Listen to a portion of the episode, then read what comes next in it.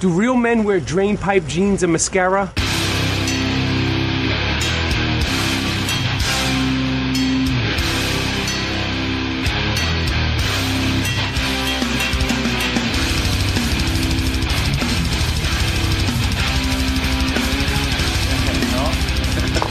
Ja, men ja. Sista chansen. Ja, ta, ta en kopp kaffe då.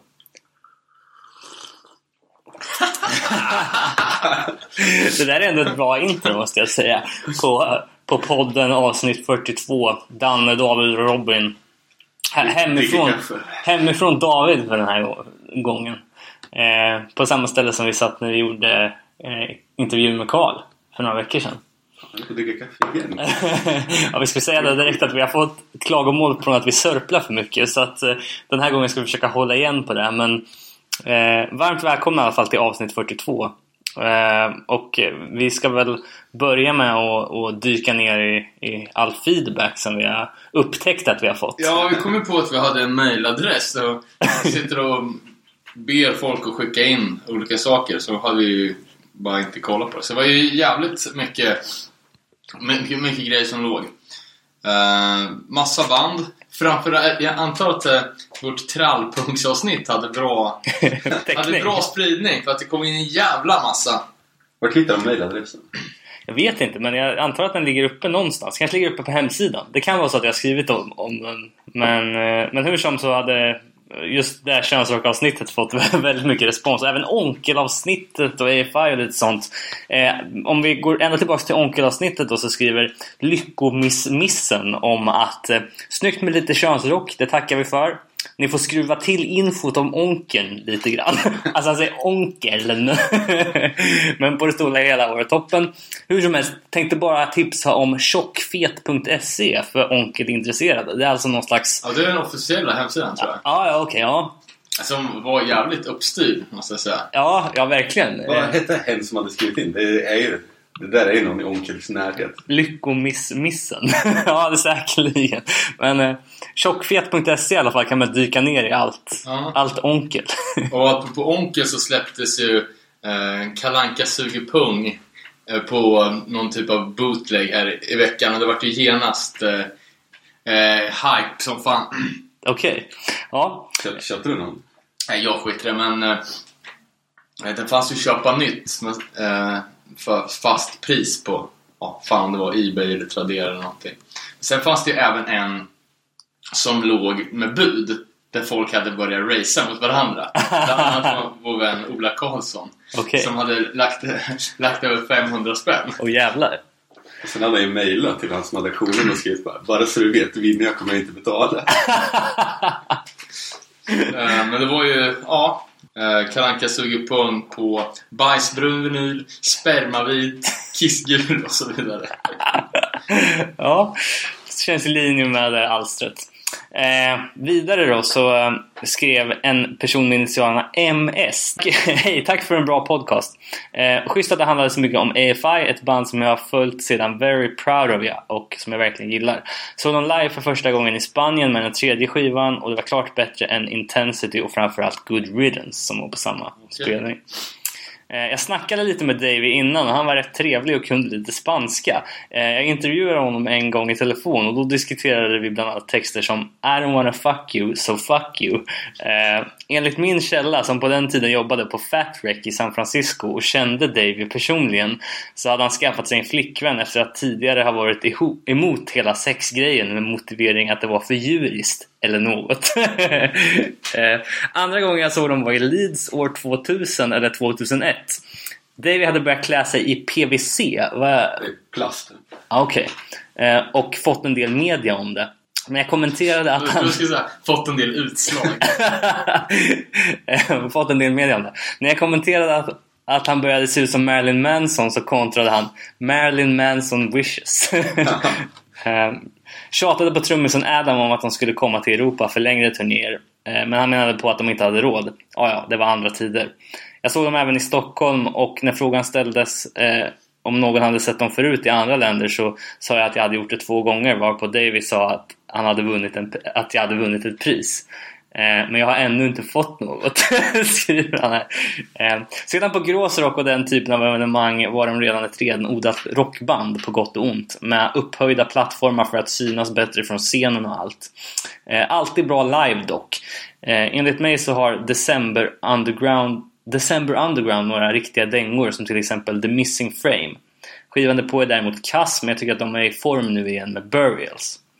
Eh, synd bara att de knappt turnerar vad jag förstår. AFI eh, må ha valt en väg som jag inte var förtjust i men jag lär alltid respektera dem på något sätt.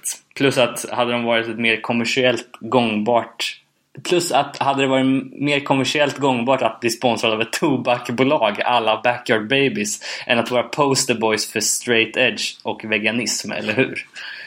Um, ja, ha det gött Det var ju fan eh, rejält med, med, med eftertanke på det där. Det var ju läng- kommentaren var längre än vårat snack. ja, verkligen. Ja, men det är kul med sådana där historier och Mm. vad man har för upplevelser av banden när man träffar dem jämfört med vad de sätter utåt för image liksom. Ehm, Ja, det, är- det är också ett band som, eh, som, typ folk är nyfikna på och som berör. Ja, ja verkligen. Sen, eh, eh, sen var det en del band som hade mejlat med musik till mejlen också. Ja, eh, det senaste som dök upp här i veckan. Eh, Körsbärsfettera. eh, från Skövde. Ja, okej. Ehm, låt, Såklart. låter ganska mycket som eh, Vänsternäven som jag har snackat om. Mm. Och det känns väl som att det är deras systerband. Samma, samma dialekt och sen lite så här konceptuellt. Eh, lite så här... Konceptuellt. Ja men tänk klass, hat, slash, Ja, ja, partypunk liksom. Jag tänkte mig att det var. Blandat lite buskigt. Ja, men, ja, pre- precis så. Ehm, sen eh, ett annat band från Vischan, Spritliv från Mjölby. Spritliv. Som enligt sig själva spelar fulpunk så trumhinnorna blör. Finns på Spotify. Eh, ja men typ. Jävligt trallpunk-ish gitarrer men lite mer rövsvettsång. Också Jaha. på dialekt. Det var som fan. På värsta östgötskan. Ja, ja, ja, jag kan inte ens... eh, Mjölby ligger utanför Motala. Ja. Eh, och sjuan heter The Next Best Of. Fanns det inte ett band som heter Spritvev också? Jo, exakt. Det är ju så här råpunkband från Göteborg kanske. Alltså det här skulle man ju behöva forska i var de där namnen kommer ifrån. Liksom. Spritvev. Eh, ja, och sen ä, nästa band med bra namn är Boll, som har hört av sig igen. Där har släppt en ny trelåtars eh, och redan hunnit prångla ut två videos från den här trelåtarsplattan. Eh, och videon som är släppt eh, är inom parentes också näst best version. Så näst bäst är någon typ av trallpunk-trend just nu. Aha, så. Eh, sen var det Rotten Mind, men då tycker jag det har vi redan eh, älskat sönder. Eh, sen, eh, eh, igår då, kom Nassejävel eh, ut på vinyl. Eh, fanns inte och eh, kolla upp ännu, men eh, det låter som någon typ av eh, snällare punk från någon typ av ort. ja men... eh, Vad det går runt med bandnamn alltså. Eh, Snutjävel är ju... Ja men ju bara- de, Nassejävel och Snutjävel låter ju likadant. Eh, sen uppifrån från Luleå. Eh, låter lite som Meshuggah vs Atari Teenage Riot. du kommer ihåg dem. Borg 64. Eller Borg 65, jag kommer inte ihåg. Eh, Är det någon tennisreferens eller? Äldre än någon sån här synt. Den heter Korg Mm. kanske. Ja, just det. Ja, vet fan. Nu är Singel på Spotify som... Jag vet inte fan. Det, det kändes lite Raised Fist-betonat. Jag vet inte. Så här. Ja, jag vet inte. Men eh, det är inte så ofta man kör så här. Det som Atari Teenage kallar för digital hardcore. Ehm, Ja, just det. blandat med, med, med tekniskt. Så jag vet fan. Kolla upp. Mm. Eh, sen Knivad, också Mhm. bra bandnamn. Eh, finns på Bandcamp och de har även släppt på uh, Krust, tyskt krustbolag tror jag. Okej. Yellow Dog. Mhm. Så Millencolin-influerat. Ja, låter som det. Eh, sen Planet Trash och Terrorattack. Uh, jag släppte en split. Nu- och sen var det nytt, också norrländskt tror jag. Uh, Snake Tongue, som var typ lät som jävligt black metal Mm. betonat fast det var inte riktigt det var inte riktigt den känslan men det lät, det lät lite som det. Okej. Eh, och det var mixat av Kurt från Converge. Jaha. Det borde man ju ta och kolla upp så kanske. Ja, det låter rätt Ja, kolla inte upp det på YouTube för det gjorde jag. Då fick man på köpet med sig 30 videos på folk som klyver tungan. Oh. Det var sjukt nasty. Eh, och sen har vi även eh, blivit tips, tipsade om Blisterhead, men det tror jag också vi har snackat om. Mhm. Eh, Ja. Jag tror, jag tror det. Spännande. Men eh, fan, fortsätt med idag. Så nu har vi även... Nu ska vi även försöka hålla koll på den där mejlen. Så eh, eh, Och så ska vi faktiskt försöka lyssna på några av de där grejerna som folk skickar till oss också. På Facebook så har vi fått lite feedback också. Eh, Det var någon som skrev och önskade ett renodlat Dead Kennedys avsnitt. Och det är väl in the works. Vi Ja, letar väl... garanterat. Det är 100% säkert att vi gör. Verkligen. Och eh, vi får väl se vilken expert vi rotar fram där. Eller om vi får... Det ju Ja. den. Ja, jag vet inte fan. Det var, det var ju så kul med, med våra faktamaskiner från Missförståndsavsnittet. Så nu vill man inte lägga ribban lägre och göra allting själv. Ja, får, om det är någon som känner att de har någon specialkompetens så kan man ju hö- höra av sig på. Om man nu vill snacka The Clash eller rövknackers eller kebabätare. Vad man nu är bra på. Yes, eh, och på tal om just Misfits så exploderade det ju några dagar efter att vi hade släppt senaste avsnittet med en Misfits Original Lineup Reunion. Ja, det är ju lite sjukt. Hur, hur en sån här liten podcast kan ha sånt genomslag. jag menar det, jag menar det. Men Glenn sa ju där till mig att eh, nej, det gjorde han inte. Men, ja, eh, de ska i alla fall spela på, vad var det, Denver Riot Fest? Eller Riot Fest kanske? Ja, det. Riot Fest i Denver. Ehm, och jag tror det är två, två datum uh, annonserade hittills. Eh, men att det ska vara minst 10 gig. Okej. Eh, men det känns väl som att det kommer bli fan så mycket mer. Ja, det känns ju helt otroligt. Om... Eller, eller att det blir ett gig och de Att det blir en sjukt osams och Ja, det är också... Men skulle vi ha förutsett det här när Glenn hoppade in i den där TV-serien? Att han hade lättat upp på sinnet och faktiskt var öppen för det? Han måste gå till terapi. Ja, någonting har ju hänt alltså. För, eh, för nu är de ju tillbaks. Eh, och eh, ja, det vore ju som du sa otroligt om det inte blev en, någon form av världsturné. Ja, men liksom när, när eh, Reunion låg så jävla långt bort Mm. så känns det som att om de inte gör det fullt ut så skulle de ju aldrig ens försöka. Nej. Nej. Och man såg ju hur det här exploderade Ja. också. Det tyder ju på hur stora Misfits är fortfarande. Liksom. Att, att överallt man kollar så, så var nyheten på löpet. Liksom. Ja. Ja, det var ju roligt också att det genast startade någon sorts eh, opinionsbildningsgrupp på Facebook som försökte få Misfits till Sandviken. Eh, Men det är ju inte helt jävla... 50 Cent har ju varit. Så, ja, precis. Men Vet ni vem som ska trumma då? Nej. För jag tror inte de, de har gått ut med det vad jag vet. Och eh, jag hörde en intervju. Stod inte alla namnen på posten? De kanske gjorde. Jag har Ja. inte sett. Eh, jag hörde en intervju med, med Doyle där de faktiskt snackade. Det var något, något år gammalt. Eh, när de snackade om en eventuell reunion eller hur han ställer sig till det. Då sa han bara "Ah, jag skiter fullständigt i sina drömmar. Eh, är det jag, Jared och eh, Glenn då eller? Jo namnen stod på postern men det stod bara Misfits featuring Original Singer-Songwriter Glenn Danzig Original Bass Player Jerry Only With Doyle Wolfgang von Frankenstein on guitar. det var Ja, inget jag, vet fan, jag tyckte jag hörde någon snacka om att Dave Lombardo skulle spela. Jag vet inte fan, det känns ju jävligt skumt. De borde åtminstone ha någon som har spelat i bandet förut. Jag menar det. Ja, vi får väl se helt enkelt. Eh, mer feedback då på Facebook. Eh, vi fick eh, fråga om att följa upp eh, med Erik gällande Millencolin Epitap också. Eh, och eh, eh, en viss Ronny tipsade om intervju med Live Presser från Minor Threat och eh, även Misfits-spelningen på Vänerrocken 97. Som, Ja, fan det hade man ju. Det, ju- det visste man ju om. Det var en jävligt fet festival som man tyvärr missade med Sub-Zero, Furo 5 och Oj, oj, oj. Ultimate Concern och feta grejer. Ja. Var det typ sista året?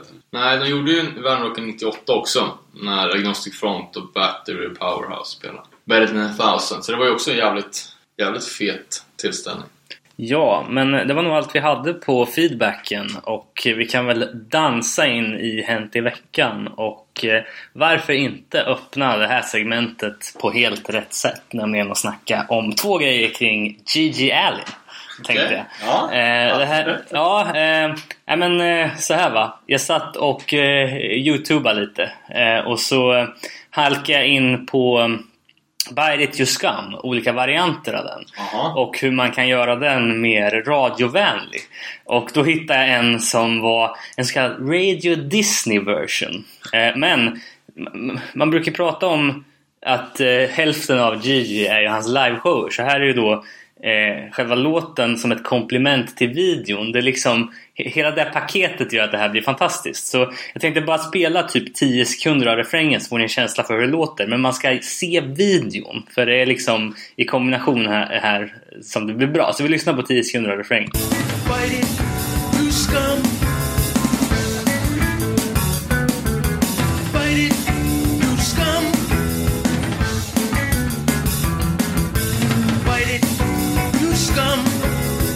Ja, det är ju inte mycket Disney över videon, men kanske över musiken. Den är lite trallvänlig och man skulle kunna dra igång den på en middag utan att någon skulle fatta. Kanske när han sjunger You Pig You Horse. och blir Vad fan, på... att de släppte igenom texten. Ja, det tycker jag också, men... Men det är inte så mycket Disney, mer Kalle suger på. Ja, precis. Men jag tänkte på det när man ser den här videon också så börjar jag fundera på Gigi Allen. Man har ju alltid tänkt så här, vad, vad är det efternamnet? Men jag funderar på, det jag tänkte var, kan det inte vara så att efternamnet betyder all in? Alltså eftersom han alltid går all in, alltså i alla lägen. Fast Det- det... man det gjorde han fan. Ja, eller hur? Och bevis på det finns som sagt i den här videon. Så att, ja, eh, det, var, det var väl det. Om GG. Ehm, sen så eh, tänkte jag också på att Terror har släppt en ny video. Är det någon som har hunnit se den? Nej, men jag såg att det var en ny eh, låt annonserad va? Eh, ja, jag vet Nej, inte. ny sjua annonserad. Ja, det är så kan det vara. Men den här var ju från No Time For Fools. Okej. Eh, som är från The 25th Hour, va? Har jag för mig. Eh, jo. Eh, Hade inte de gjort någon ny konstig merch nu också? ja, det kanske. Efter filtarna. Ja, det, ja, det kanske vi pratar om. Nej, det är ju en klassisk terrorvideo. Det är ju klipp från vägen så att säga. Eh, så det är ju, men låten är ju helt okej. Eh, in- ingen ingen eh, superbra låt, men... Hört och sett den nya Turnstyle-låten slash videon va? Nej, men jag läste att de skulle släppa nya på eh, Angel Dust-sångarens skivbolag. Okej. Eh, Angel Dusts fullängdaren kom ut den här veckan och den Ja, ligger ja. också på eh, Popwig den. Ja, precis. Skivan Eh. heter Rock the fuck on forever. Ja, okej. Joe Men, eh, men för jag läste en intervju med han Justice och eh, då sa han ju att eh, nya Turnstyle EPn ska komma ut på Popwig. Jag har inte hört att de har släppt någon låt, men hur låter det då? Uh, det låter bra, tycker jag. Ja. Det är mindre flummigt än vad man skulle kunna förvänta sig. Jag tänkte när de har ett så tydligt koncept och som uppenbarligen är en framgång så borde de ju bara skruva upp det mer och mer. Det här ja. var liksom mer...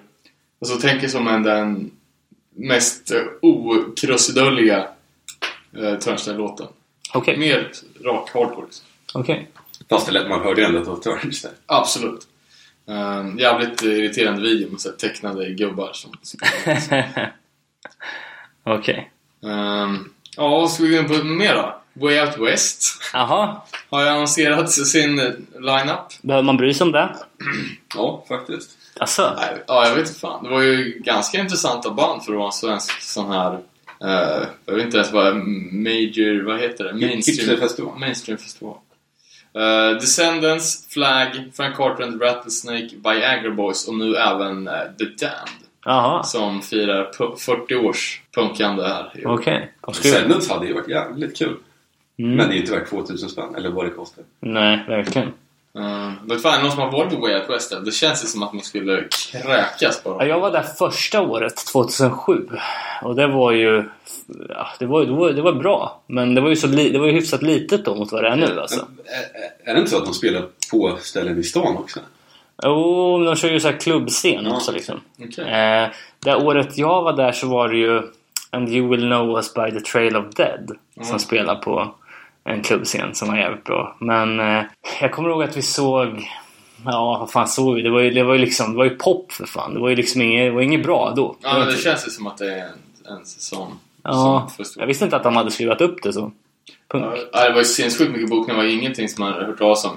Eller så. här. Ehm, De har ju dock ansträngt sig lite för att ha en mer jämställd eh, folk på scen. Ja. Men det var ju inga bra grejer kan jag inte påstå. Inte helt vegetariskt också? De har nog någon Alltid. typ av beef med... Ja, precis. Men ur det här perspektivet går de ju superframkant liksom. Eh, och sen att Moderaterna står utanför och slänger upp eh, just- burgare, det är ju en annan sak. Men jävla... Uh, ja, jag vet inte fan. Det är, det är inga band som är så som man åker, åker och själv plågar sig på Way Out West för att se The Damned. Liksom. Ja. Men eh, det är kul att... Nej, det är inte heller kul. Sluta med det. Eh, Håller till ert. vidare då så, eh, en person man har oroat sig för i 25 år tror jag är väl Fat Mike. Och eh, nu har han äntligen checkat in på Ja, rehab såg för det. 83 gången. Eh, Men vad fan... Höll inte vi på att skämta om det? Att han skulle börja knarka nu när han var gammal och hade pengar? Jo men exakt, det, och det är det han har gjort. Men han, han gick ju in med inställningen att han kunde lura knarket. Så jag, kommer in, jag kan knarka, jag är vuxen nu. ja, men det är roligt att Det han, funkar uppenbarligen inte. Nej han skrev två poster. Där, Detox day one. Sleep shit, sleep shit, sleep shit, sleep shit, nap shit, taco night, shit sleep. Eh, och det var day one. Day tre skriver han. Detox fucking sucks ass. Så man undrar ju, har han, varit, har han haft någon nykter helg de senaste 25 åren? Nej, Säkert inte, men... Eh, men han- han började ju knarka, alltså, nyligen. Jaha. Och gjorde, ja, för han hade ju aldrig rört droger innan han var över 30. Nej, just det. Och sen så gjorde han ju någon sorts eh, kometkarriär inom knarkandet och knarkade hela tiden istället. Och det funkar ju uppenbarligen inte. Nej. Eh, såg att de hade nyligen kommit ut med någon, eh, någon bok som står liksom Mm, te- Effects Tells It All. Den hette uh, Hepatitis Bathtub and Other Stories tror jag. Okej. Eh, känns det som att det är Ah, man, man vet ju men det kommer bli mycket fjärtskämt liksom. Ja, just det. Eh, och eh, nej, det kan vara intressant det är som hans eh, när han har sin sex dungeon bak i Teneros. Men undrar om det är en seriös bok som faktiskt berättar någonting om det är. Nej men ja, jag tror du, de kommer ju bara rabbla sina värsta Skrönor. skrönor liksom. Som alla andra sådana där Mm. uh, rockbiografier. Um, lite. Ja. Sen, sen var det ju lite grejer som vi hade missat i Misfits-avsnittet. En, bara en detalj var att, att Jerry Only hängde med Sid Vicious kvällen han dog. Eh, back in the day. Eh, och att uh, basisten från Meatman, Mark, eh, även från Youth Brigade, om det är från Youth Brigade DC eller Youth Brigade LA vet jag inte. Var också påtänkta på, på Samhain, ja, första konstellationen. Eh, och sen så sa jag lite fel. Den första sessionen som jag sa, eh, som var She och eh, Cough Cool, att det var massa andra låtar också. Men de var inte på tape, utan de var bara på när, när bandet spelade live första gångerna. Mm. Så de här tre oinspelade låtarna finns fortfarande inte. Och de första gigsen finns inte ens filmade för att ja, det fanns väl kameror, filmkameror var lite. De var ju superokända liksom. Ja, ja, precis. Eh, sen hörde jag även att staden som vi kallar för Lodi heter Lodi Ja. i New Jersey. Eh, sen missar vi ett... Eh, vi snackar om alla eller så Misfits coverband. Um, eh, det bästa känns ju som att um, Misfats, the world's fattest misfit coverband. Det låter som eh, Can I go out and grill tonight? Diet, diet my darling och 20 pies in my head. Det var rätt kul texter verkligen. Ja. Ja, nice. Eh, ja, veckans dödsfall i punksvängen är Rob, Robert McAllister från eh, Iron Chick som har lämnat oss. Rest, rest in peace. Mm. Eh, sen har vi Beverly Hills bästa punkband. DFL, Dead Fucking Last. Eh, som eh, kanske var de f- första bandet att göra den här retro punkgrejen. Alltså, eh, de började på tidigt 90-tal och försökte låta som, som det var 1980. Liksom. Jaha. Eh, De släppte en sjua, Crazy Life, på, på Grand Royal, Beastie Boys Ja, just det. skivbolag. Där är det också ett dödsfall, deras det. originalgitarrist såg som det. Okej. har gått ur tiden i veckan. Det var som fan. Eh, och nu har de ju då uh, annonserat sina, sitt första släpp på 19 år. Och det blir såhär bara, okej, ska det första släppet på 19 år, men ni, de, det kommer låta som att det var 35 år sedan. 35 år sedan, så det blir så här weird. Men det, det är ju bra i sina bästa stunder. satt i måndag så hade jag en jävligt seg dag på jobbet eh, och så tänkte jag nu ska jag hitta någon, någon inspirerande platta att lyssna på. Så tänkte jag jag borde dyka ner i det här liveplatteträsket och se vad jag kan hitta. Eh, så fastnade jag för eh, Full of Hell. Uh, du vet, de har Ja. spelat Stockholm. De har släppt en skiva som heter eh, ja, någonting. Eh, kom ganska nyligen. Eh, jag kommer inte ihåg vad den heter men jag lyssnade på Youtube. De har, de har inga, inga titlar. Jag tror att, eh, men jävligt bra i alla fall. Och då började jag fundera på vad finns det för bra liveplattor? Finns det några bra liveplattor? Det- Vi har ju snackat om att det är så är jävla pastisch att släppa. California Takeover, Earth Crisis Strife och Snapcase på The Whiskey. Ja just det. Champion har ju... Du kan inte lyssna på originalinspelningen? Nej, men alltså Incarnation med, sla- med, med Snapcase och eh, vad kan det vara? 800 pers som skriker. Mm. Eh, Har inte 108 släppt någon? Liveplatta det också. har de garanterat gjort. Så även att 108 hade spelat med Kate, gitarristen, här nyligen. eh, Precis. Första gången. Eh, sen, sen det begav sig. Ja, exakt. Det var jävligt bra mottaget.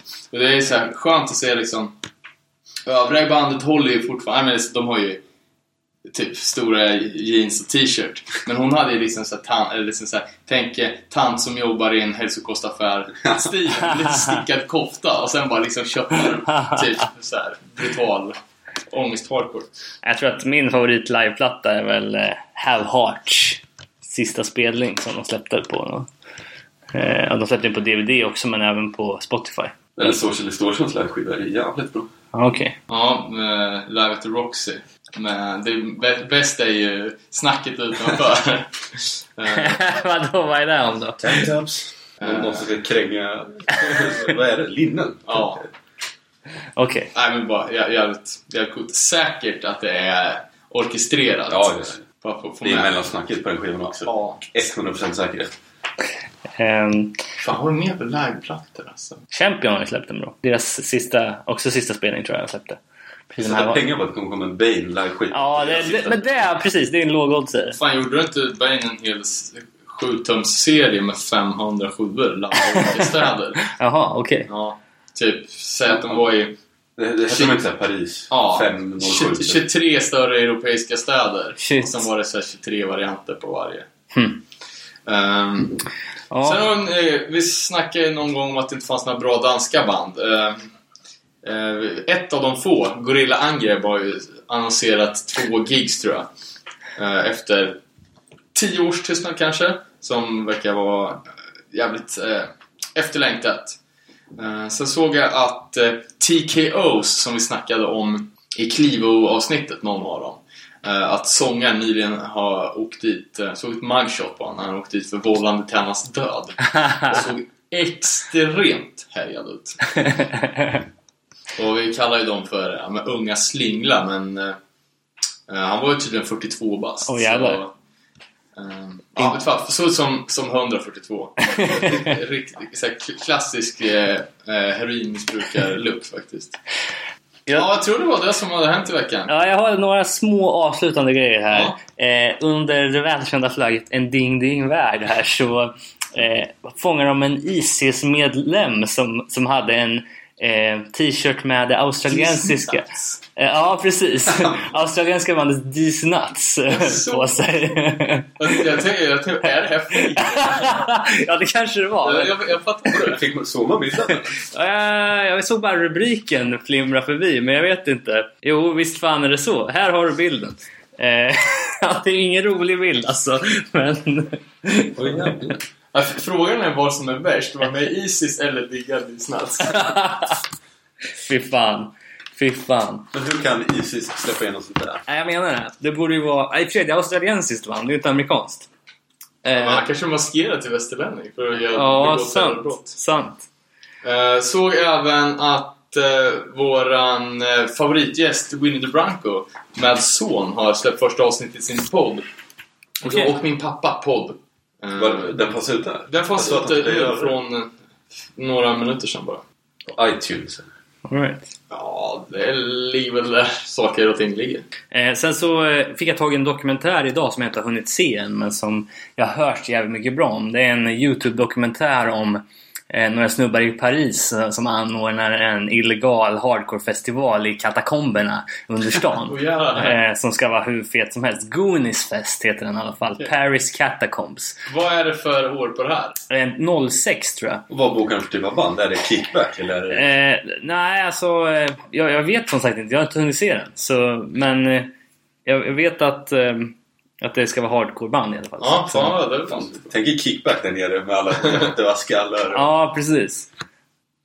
Sen så såg jag att Uniform Choice har lagt upp en officiell Facebook-sida. Och varför då kan man fråga sig. Jo, Screaming for a Change ska bli remasterad och re-releasad av Southern Lord Records. Okej. Som en eh, 30 year anniversary deluxe edition. så det får man hålla utkik efter. De har bara 200 likes på Facebook nu så jag antar att man är tidig ute här. Med breaking news. Det finns en Facebook-sida. Det känns ju dock ganska överflödigt. Eh, Jag vet inte hur mycket den här masteringen gör, men fan, Screaming for Change har ju funnits i repressa ganska... eh, Ja, fan, hela tiden tycker jag. Mm. Det känns det är bara ett sätt att sälja mer av en skiva som... Så är det ju. Sen så har jag även eh, sett att Eternal Sleep har släppt en ny platta men jag har inte hunnit lyssna på den. Skogis har ju härjat om den. Att den ska vara svinbra. Ja, Men- det är Philadelphia Precis. Och de var ju i Sverige. Vi spelade med dem. Kommer du ihåg det? I Linköping. Ja, och det är ju sjukt för både Eternal Sleep och det andra bandet som var där. Eh, det var ju inte en käft där på den spelningen. Nej, det var väldigt Eh, dåligt. och bara några år innan satte ju vi upp Gravemaker där. Och det var också inte en käft där. Jag tror det var nio betalande. Och de här banden har ju blowat upp sen. Spelat på D- THC liksom. Året efter och sådär. Och det är samma sak med Eternal Sleep. THC. Nej men TIHC då, this is hardcore. Eh, men ja, du förstår vad jag menar. Alltså... eh, Ja men herregud, fan vilka... Vi var ska det? ju prata med honom utanför. Eternal Sleep och... Ja, det var något mer band. Ah, Jag kan googla det medan du hade tar inte nästa han någon grej. connection med Integrity eller någonting? Men han har ju gått i skolan med Robert Orr. Det var så det var kanske? Ehm, ja men... eh, nu- Black Mask. Black Mask, just det. Ja du David sa ju att Terror hade någon ny merch på gång och det var ju haklappar. Va? haklappar Va? barn. Är det sant? Ja, Är det här sant? det är sant. Eh, och för att ta täten i merch-tåget har nu Slayer släppt en cykel. För 800 dollar kan man få en top of the line Slayer bicycle. Med naziörnen längst fram och med snyggt Slayer-print på, på stången. Är det någon typ av fixed gear eller? Eh, det är inte bara fisker, det är BMX, vanlig cykel och boxtur.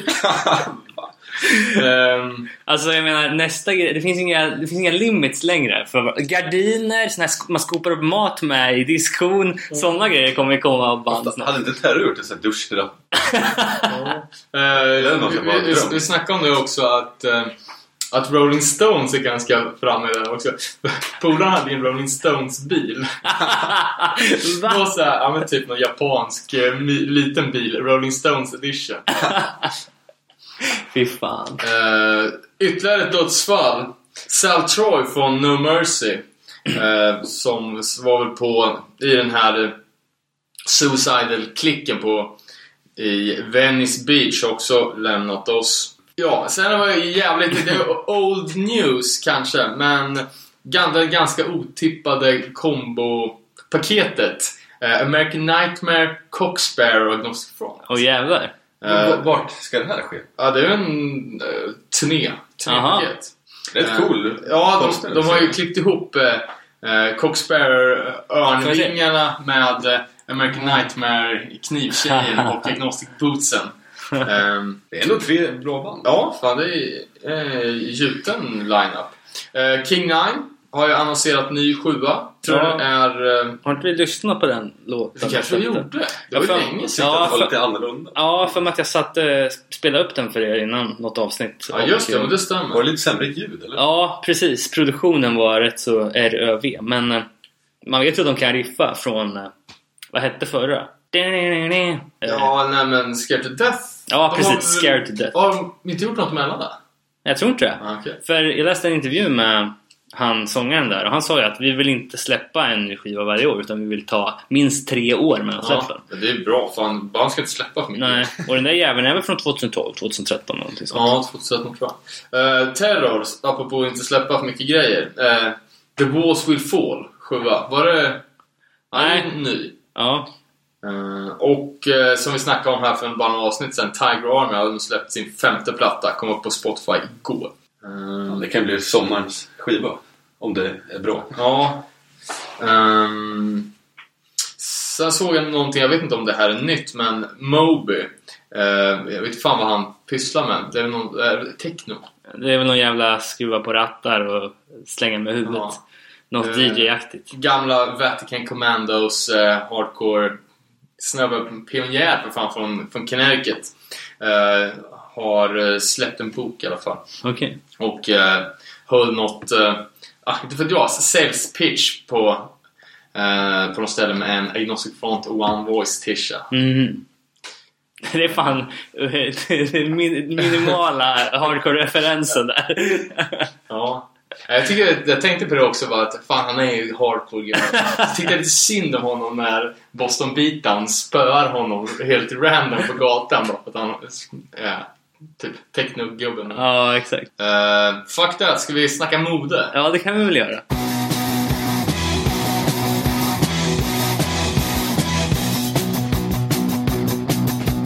Beat on the brat, beat on the brat, beat on the brat with a baseball bat. Oh yeah, oh yeah, oh. Beat on the brat, beat on the brat, on the brat with a baseball bat. Oh yeah, oh yeah, oh. Oh yeah, oh yeah, oh.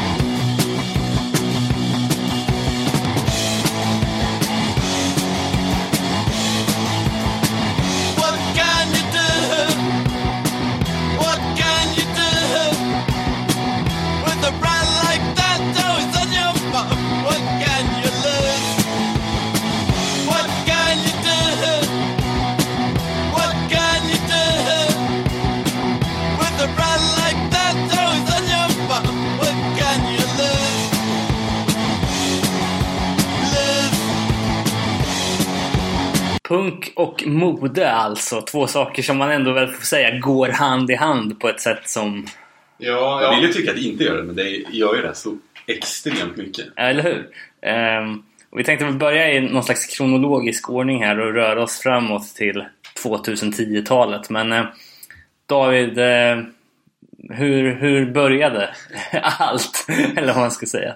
Eh, Ja, eh, exakt. Det är ju bara sån här, den här protopunken är också liksom vad är vad. Ja. Men ett band som är extremt tydligt med en viss stil är ju Ramones. Ja, verkligen. Eh, Och de är ju också ett av de första band som faktiskt spelar det vi kallar punk. Ja, precis. Det är ju ändå rätt udda, för det är ju ingen klassisk punkstil ju.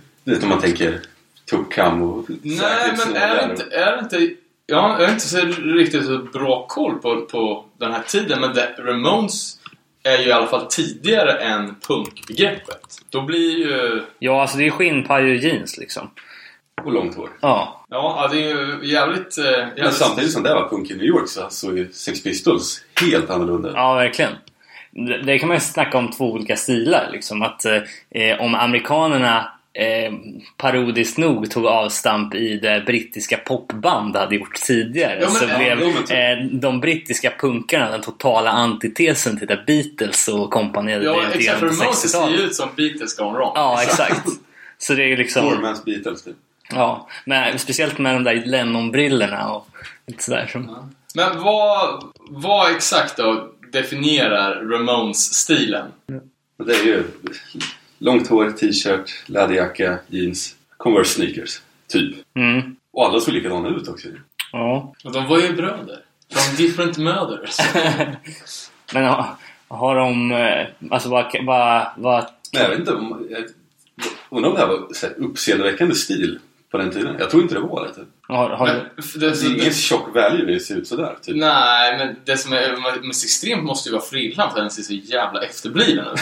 Ja, hå- alla typer av hål i kläder var ju säkert på ett eller annat sätt provocerande.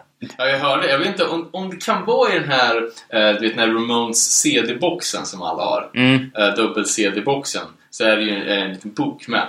Och, tror fan det är det! Då, då snackar de om att eh, typ så här.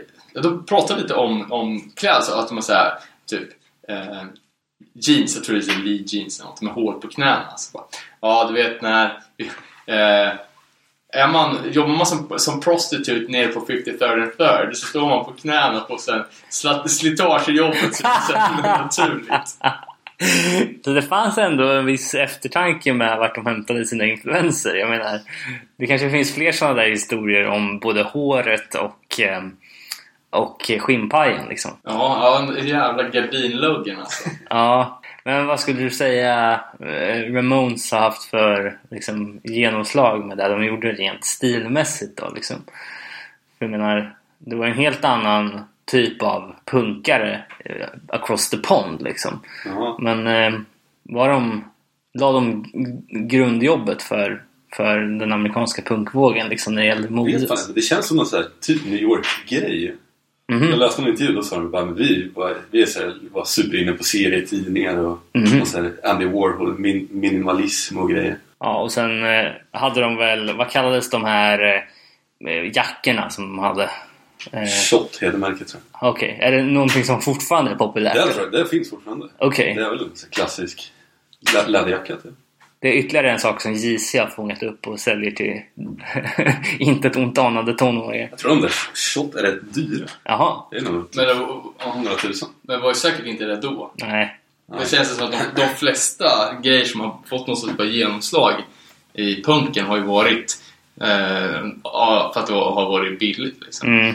Och jag tror att mycket de som, som Ramones fick på köpet det var ju att de blandade både det estetiska och ljudbilden som ändå var eh, hyfsat annorlunda mot allt annat som man hade. Ja, ja, men, Så, exakt. så det blev ju en dubbelmacka, ursäkta ordvalet, Ja. av, av intryck där. Ja men det är ju superkonceptuellt. Ja, ja. Det är ju med att de såg ut, de var likadana Hette likadant. eh, och liksom hade...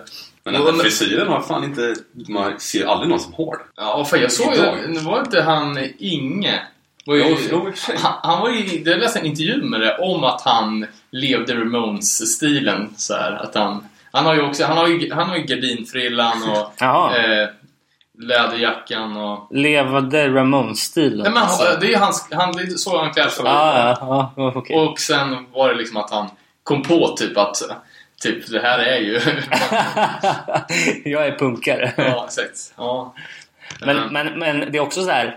Jag tycker att man kan se en ganska rak skillnad i alla fall hur man uppfattar det om man tänker tillbaks på, på hur punks, punksvängen såg ut på den tiden med Ramones och även om man delar mellan Nordamerika och Europa. Liksom att eh, Ramones det var ändå hyfsat stilfullt och inte så eh, dekadent som det var i, i England med Sex Pistols och man upplevde att de sköt in saker i röven dagligen liksom.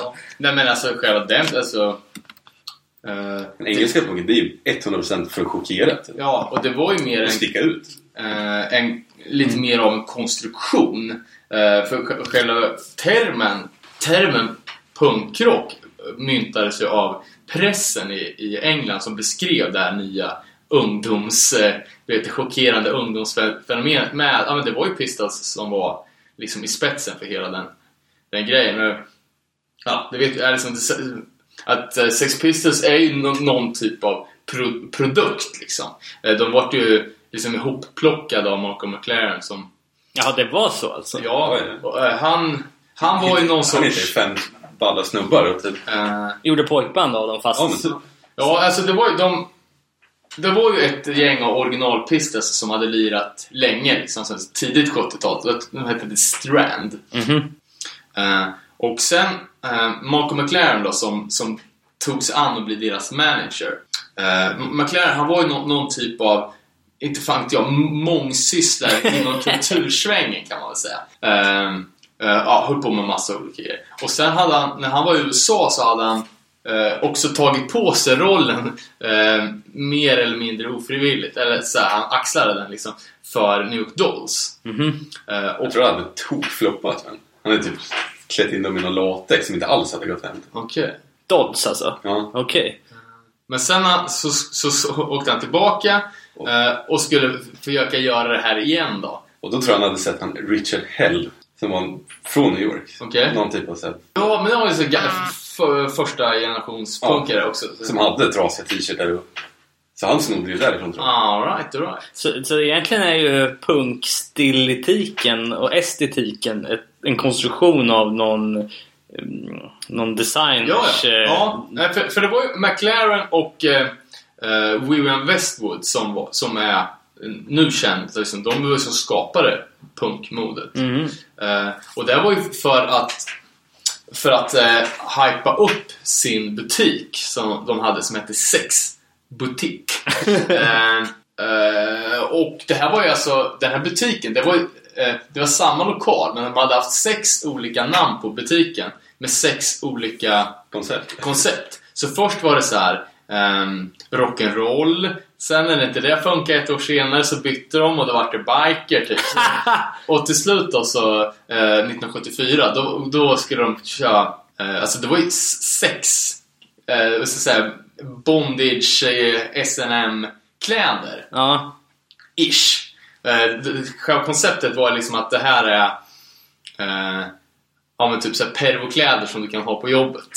Så det var lite så här smygpervo. Och säkert också blandat med Ja men med ja, men så klassiska, jag, jag vet inte, sexkläder. Ehm, Vad sjukt ändå att när man tänker efter att det är stöpt ur någon slags eh, åt, åtskilliga försök att hitta någonting som fastnar. Ja. Liksom. Det är en fokusgruppat till, till att funka liksom. Men han var ju någon superaffärsman typ. Han fattade ju konceptet, provocerade. Ja. Ja. De typ åkte spel, när God Save the Queen kom, då spelade de ju på någon båt utanför parlamentet. och blev arresterade. Det blev ja, ny, nyhetsvärde. Ja, ja, precis. Ja, det, är så en manager ska jobba. Men liksom då att eh, eh, han tog det här bandet då och sen så, eh, så, hittade de ju, legenden säger att de hittade Johnny Rotten på, eh, ja, men på någon pub så här, och då hade han en, en Pink Floyd-tröja. Och alltså Pink Floyd, den här tiden i England var ju liksom, det var ju gudar. Ja. Så han har skrivit med egen, skrivit själv med så här I hate med tuschpenna över. och sen var var den här tröjan så här ripped up, eh, satt ihop med säkerhetsnålar. Ja. Och då kände väl han bara, fan de, de, den här snubben ska jag trycka in i mitt band då, The Strand. Eh, och sen så på någon, eh, där veva så, så bildades liksom Sex Pistols. Eh, och eh, sen så tog de ju också in liksom Sid Vicious och det var ju egentligen han som eh, som skapade punkmodet. För om man kollar på hur de andra var klädda så var det ju, alltså det var ju bara knasiga grejer. Mm. Liksom så här koftor som inte matchar med brallorna och alltså lite stökigt. Och, Ja, just det. eh, de, det var ju inga spektakulära frisyrer. Nej. Sid Vicious, han hade ju den här liksom sp- spiky hair, eh, typ bar över med skinnjacka och ett, eh, ja, men kedja med hänglås. Mm. Eller eh, s- s- eh, så här nätbrynja liksom. Eh, och det var ju den stilen som, som vart... Jag tror dock att hon, Vivian Westwood var det ju typ som kom på det där och tryckte på. All right. Ja, ja det, det, det är mycket möjligt. Men det, han var ju... Han såg ju ganska annorlunda mot, mot övriga bandet. Liksom. Ja, okej. Eh, Johnny Rotten, han var ju alltid så knasigast klädd. De andra tre liksom, de såg ju ganska straight ut ändå. Fan. Det är, förlåt, jag bryter in här, men det är ju det är ju intressant det där när en exempel på band när en medlem ballar. Jag menar, det gjorde ju inte det i Sex Pistols Jo. eftersom det blev deras grej. Men jag menar, mer nutida exempel, Limpan till exempel, Limp Bizkit. Där Ja. har du ju deras eh, basist, är det väl. Som ser ut, han ser ju fan annorlunda ut varenda jävla spelning liksom. Ja, ja. Man undrar ju hur många olika exempel på band det finns när en medlem är sådär jävla annorlunda mot, mot övriga liksom. Ja, mm. Ja. ja, det skulle man kunna upp. Jag är, jag är superdåligt påläst om Pistols överlag och liksom sådär, den här engelska punken men vet inte fan, det, det känns ju som att eh, eh, någon, någonstans så, så togs liksom det som, det som Pistols eh, lanserade, den, jag vet inte, det som kallades för punk, punkrocken det liksom blev ju allmänt känt och att kidsen sen liksom eleverade och skulle outlevla varandra. Eh, Men en annan grej då som, som, som också är jävligt, eh, jävligt dåligt insatt i. Vi har alltid tänkt att det var lite för mycket mainstream och lite för, för mycket new wave. Är ju Plasmatics med Wendy O i spetsen. Jag vet inte om ni känner till? Aldrig hört talas om. Ja, det är ju... Jag tror f- från... Ja, men runt, alltså runt 1980 där. Eh, från New York. Eh, började med mer som ett punkband. Eh, men så fejdade mer ut liksom mot, mot mer klassiskt heavy metal sound. Eh, men det här var ju alltså, i med min mening, är ju det punkstilen liksom tagit just den här Sex Pistols eh, eh, sexbutiksstilen. Eh, för Wendy O var ju typ jävligt lättklädd. Rockade typ med tejp över bröstvårtorna och kan, ja, men typ så här kläder som knappt satt ihop liksom. Och sen stor jävla mohawk på det. Eh, och eh, ja men typ så här mycket jävla eh, så långa nitar och hade ju verkligen så här extrem, eh, jävligt extrem look. Och hon, hon, det var ju också ett konstruerat band. Jaha. Eh, byggt runt hennes persona. Plasmatics eller? Ja. ja. Och eh, jag vet inte... Ja, jag googlar lite snabbt här. Det ser ju ut som att vara någon blandning mellan Transformers och gladporr. Liksom, det, är ju, det är ju liksom... Hon står där med två jävla spett på pattarna inlindande tejp. Och några och nitar liksom. Ja, Men gick det här hem eller? Ja, ja det är ju, aldrig det är ju ett stort klassband. Och Om man kollar på Schismfanzinet eh, så har, har de ju en lista på så här, eller så här, en, en, en jävligt klassisk skivsamlarbild typ, så här, med alla tidiga hardcore-plattor som Music That Matters tror jag det hette. Och då är den där Plasmatics 7 med. Tillsammans med, ja, med My Threat liksom. Eh, Det måste ju varit grymt provocerande på den tiden. Ja, det är ju extremt som fan. Och som körde ju liksom, det var ju ganska gruntig sång och sen att hon ja, var superobscen och körde med motorsågar och sprängde saker. Och, Vilken tid var det här? Var det... ja, och de höll ju på, de höll ju på skitlänge men det började ju runt 1980. Jag ser ju på en, ett bandfoto här så står ena gitarristen med wrestlingmask. Hon står och visar pattarna och afrobasisten står med 3D-glasögon och mohawk. Ja, jag, jag tror att, eh, att det kanske var att det spårade lite mot det sena 80-talet sen när det, när det blev lite mer eh, ja, men metal. Men att, fan, jag, jag lyssnade lite på det, jag tycker det var jävligt eh, gött faktiskt. Och det kändes inte som att det var... Ja, det kändes som att det här kom li, lite från, från henne på hennes premisser. Men det är ju inte, det är inte alls säkert. Men finns det någon eh, koppling till Motorhead här eller? För... De har gjort någonting ihop. Jag kommer fan inte om de har bara giggat ihop eller om de har gjort musik ihop. Det, det Okej. låter sjukt bekant. Mm. Eh, men liksom... Och det var också, Plasmatic var ju uh, jävligt tidigt, körde sina första gig på CBGBs och... Ja, ja. Eh, finns också en sån här klassisk bild från CBGBs när liksom rockar in med Ja men jävligt fet mohawk och sen så här knäskydd med, med så här i- industri-sized spikar och sen bara par brallor gjorda i genomskinlig plast. um, ja, vet fan. Så försökte jag kolla på, alltså mohawken är ju liksom det mest alltså, klassiska punkattributet.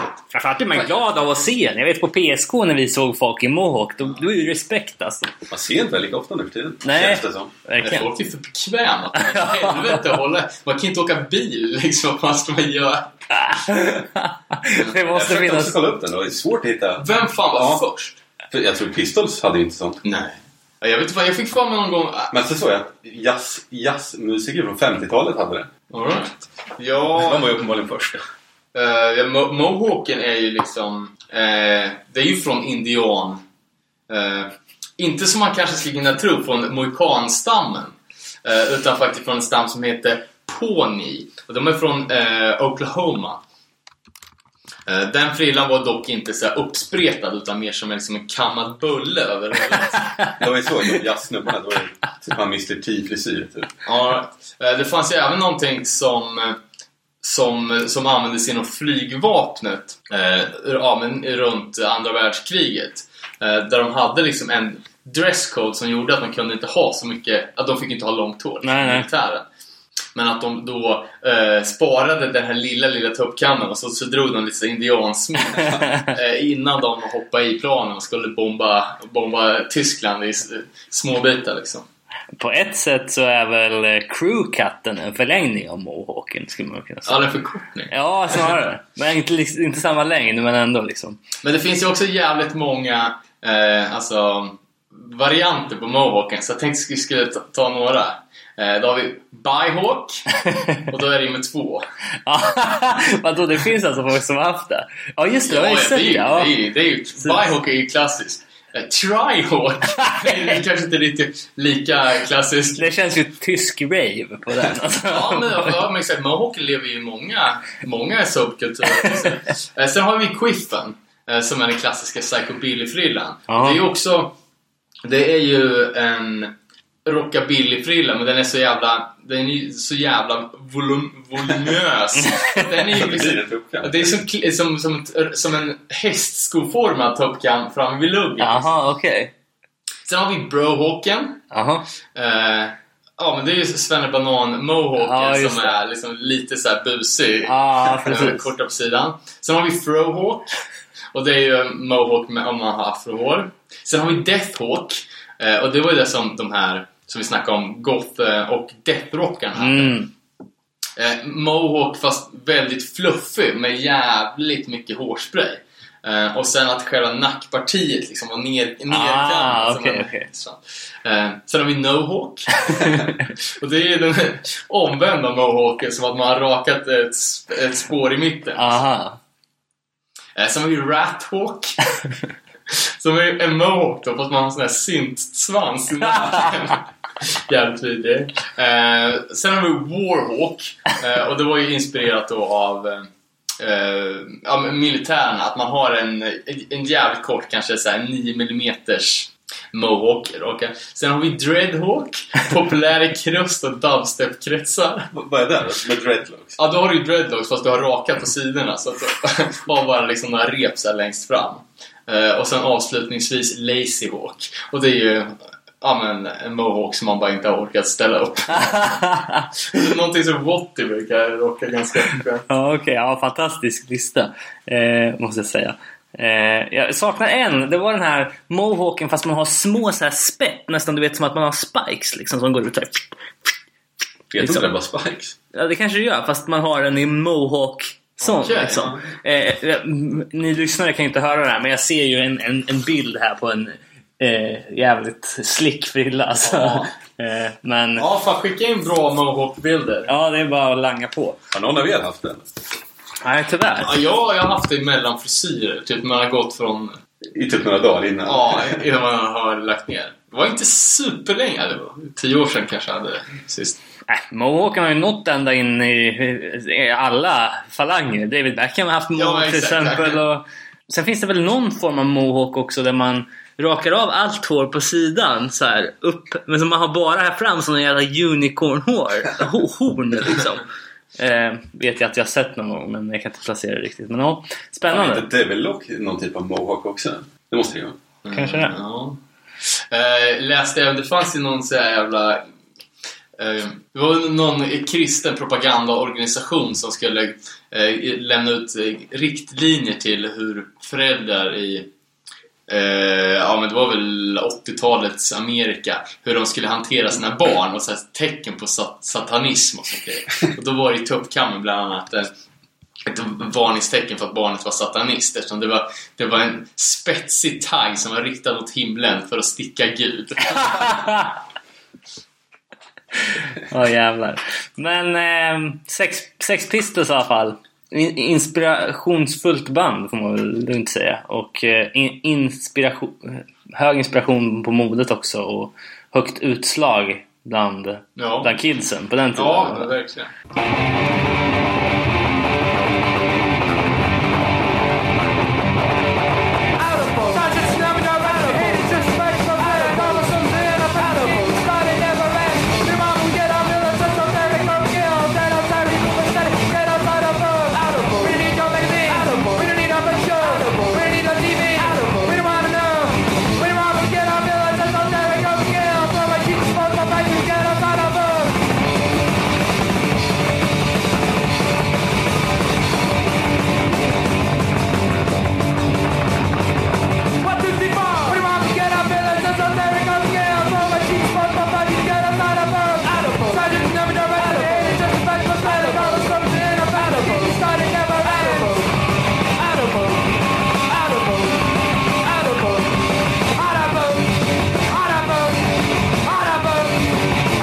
The Middle Class med Out of Vogue som också är en modekoppling minst sagt med Vogue i namnet. Men är det en referens till det? Jag vet inte, man...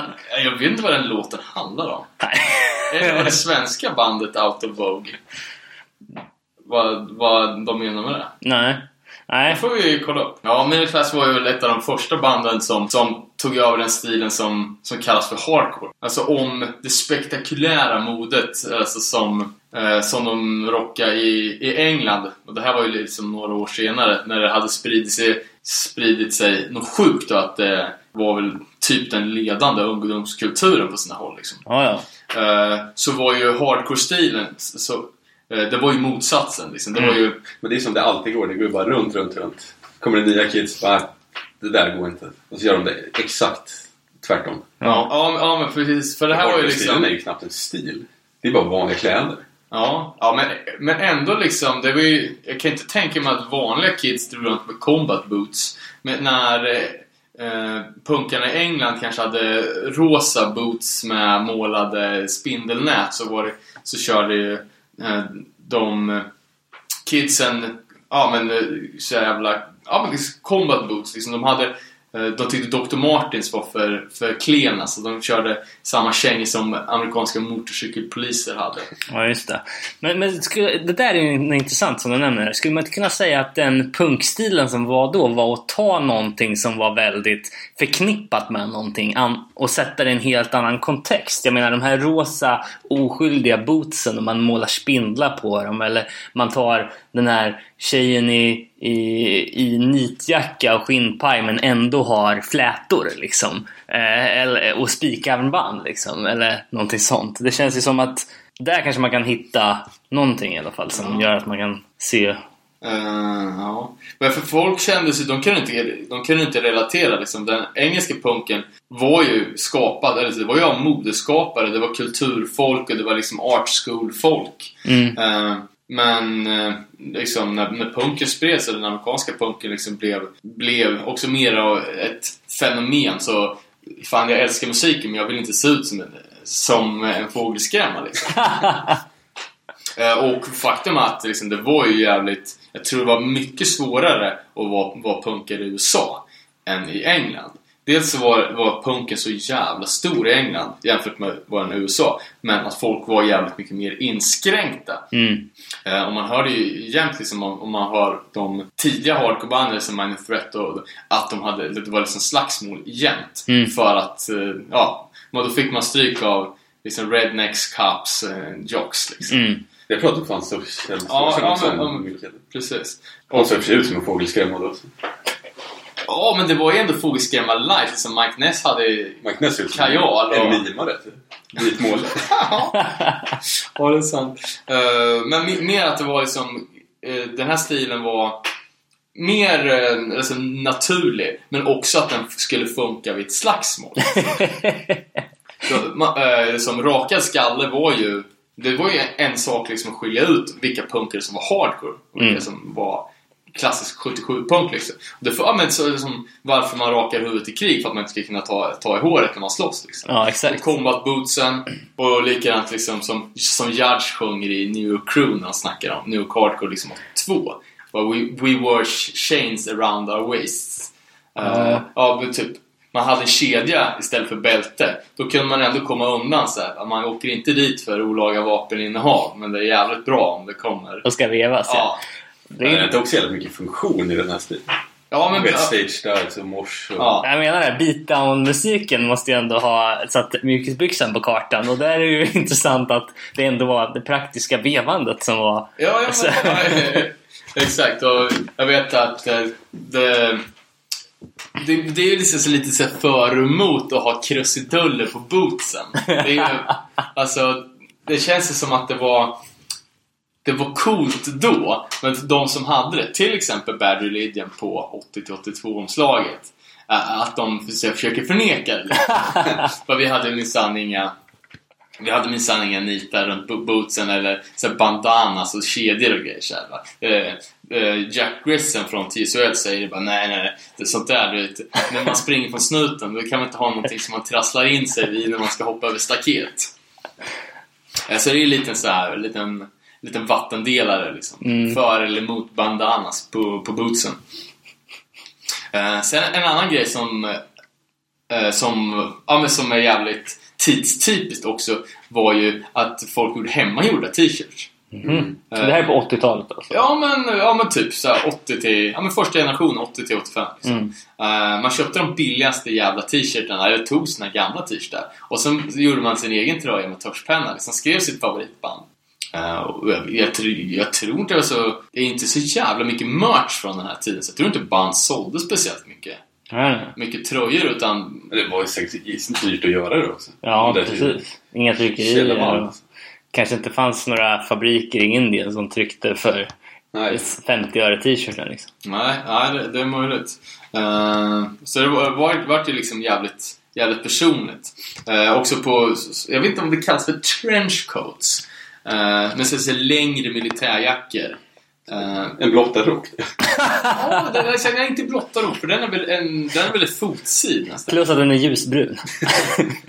Nej, men det är någon typ av, eh, alltså väldigt mycket militär, militärkläder, surplus och, eh, och sådana grejer är ju Mm. det som så, tecknar eh, ja, men, den amerikanska tidiga hardcore-stilen. Mm. Eh, försökte även försöka lista ut apropå skriva saker med tuschpenna. Eh, också från Judge, liksom construction gloves. Eh, exade arbetarhandskar, liksom. varför just det?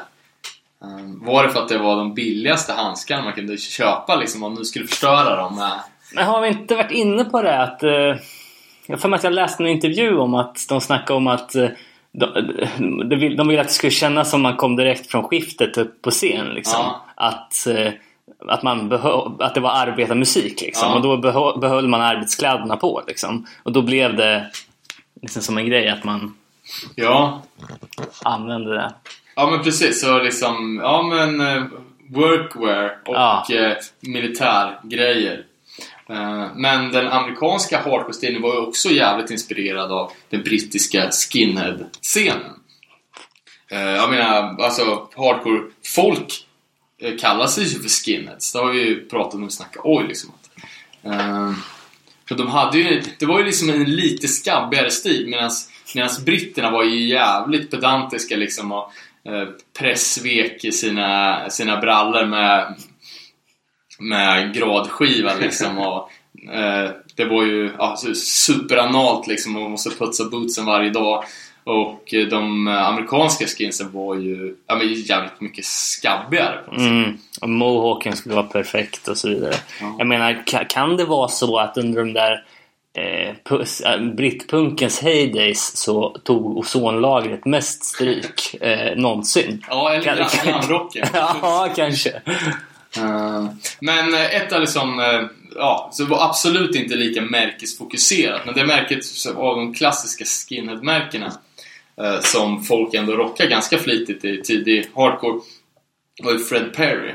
Mm. Eh, grundat av eh, den, eh, jag vet inte fan, ja, Visst är det ett tennismärke egentligen? Eh, ja, grundat av tennisspelaren Fredrik John Perry som tydligen var alltså den tidens motsvarighet till Björn Borg. Han var bäst i världen på 30-talet. Eh, han vann typ eh, ja, men så alla, alla de största, största tävlingarna. Han var den sista britten som någonsin har vunnit Wimbledon. Eh, och han var först med att vinna alla Grand Slam-titlar. Eh, som en liten side-note så hade han även varit världsmästare i pingis. Eh, Men efter sin karriär, han började vid 18 års ålder och slutade spela tennis jävligt tidigt. Alltså, jag, vet inte, idrotts, jag tror inte idrottskarriärerna var så jävla långa. Eh, Så då så började med att han uppfann världens första äh, svettband som man har så här runt handleden så man kan torka sig man Ja, just det. Just det. Ja, det fick ju jävla fäste sen. Ja, exakt. Och det har ju också landat i hardcore-modet fast eh, ett gäng årtionden senare. Ja, verkligen. Eh, Men det han började efter svettbandet då, så gjorde han den klassiska Fred Perry-pikén.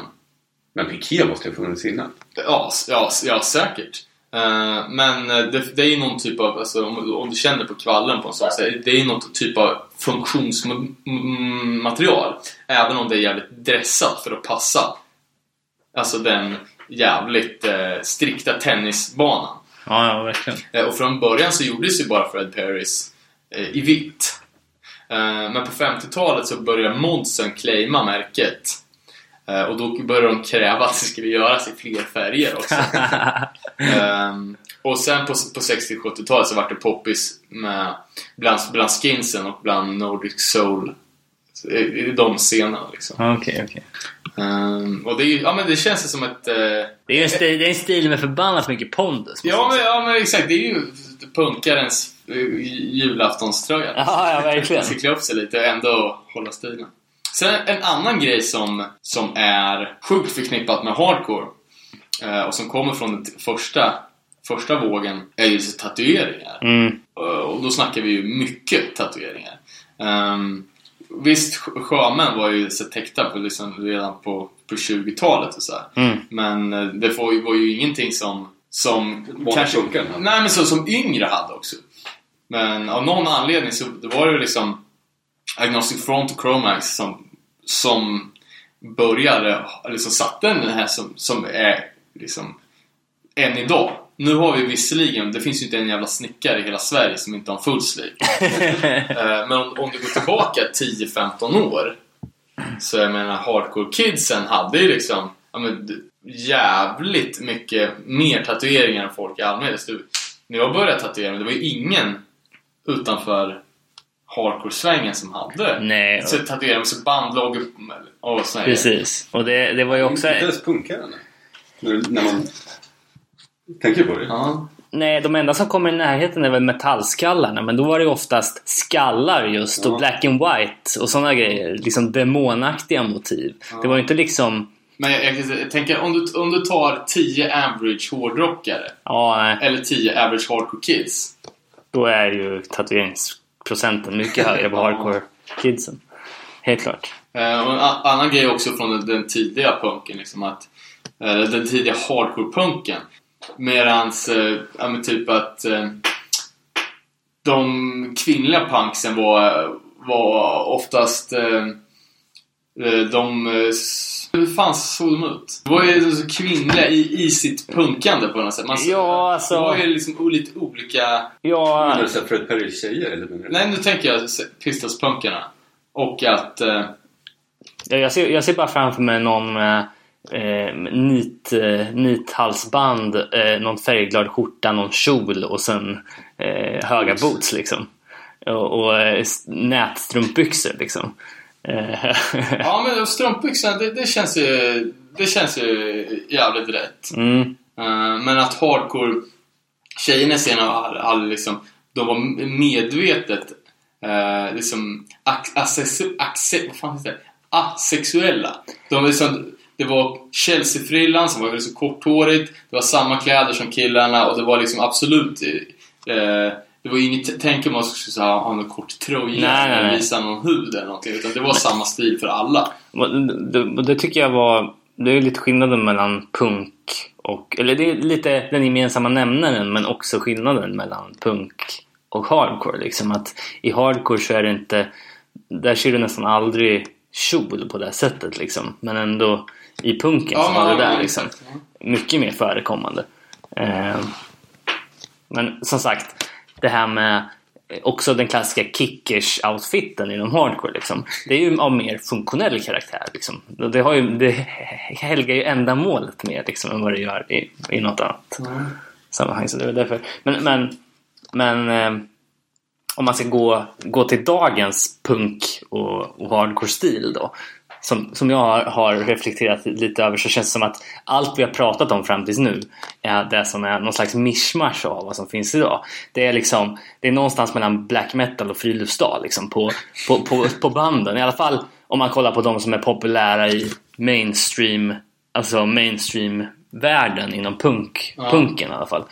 Typ masshysteri eller sista sekunden eller liksom det är, det är liksom, du har de här sport, sportdelarna med liksom de korta shortsen kanske till exempel. Pannbanden återkommer i vissa fall. Eh, men så har du även den här oj-influerade grejen med uppstyrda kläder i viss, viss mån. Eh, sen ser du också, i, i vissa andra fall har du trenchcoaten kommer på återbesök liksom och popfrisyren. Men det är ändå, eh, ja, det är ändå liksom någon slags blandning av alla de här punkstilarna och någon slags Broder Daniel-generation som vill göra musik med budskap liksom. Du, du tänker att det inte är lika uniformt? Nej, Alltså alltså att det finns plats för flera olika Ja, och- stilar inom ett samma band? Precis, och det ser du nästan alltid om du kollar på till exempel de här Tysta Marie. Ja. Där har du den där jäveln med hatt. Du har den där jäveln med eh, skjorta. Du har den där Frank Carter-snubben. Du har liksom...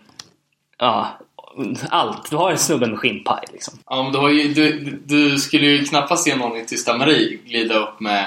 En Eh, Excel Champion Hood. Nej, det är sant. Eller en basketlinne eller något. Nej, Och, och det är väl det som eh, har liksom halkat. Just den stilen liksom. Sport. Sp- Nästan vevstilen skulle jag säga. Och även den som är lite mer hiphop-influerad också. Ja. För jag menar, dra på sig en XL-t-shirt idag, då får man ju onda ögat av 95% av lokalen. Men jag föredrar ju det framför att ha någon jävla skjorta på mig liksom. Eh, När jag går på spelning i alla fall. Ja. Eh, just för att det är gött liksom. Ja. och sen är det funktionellt, det är luftigt liksom så här. Eh, men även eh, om man tänker på jeansjackan från Ramones, den är också jävligt poppis Ja. idag. Bland de här eh, menar, lite mer ja. dödsblastbanden som, som lirar liksom tung hardcore. Ja men liksom. herregud, det är alltså... Det är ju supertydligt att se trender. Men jeansvästen, det var Mm. ju inte så jävla många som hade det.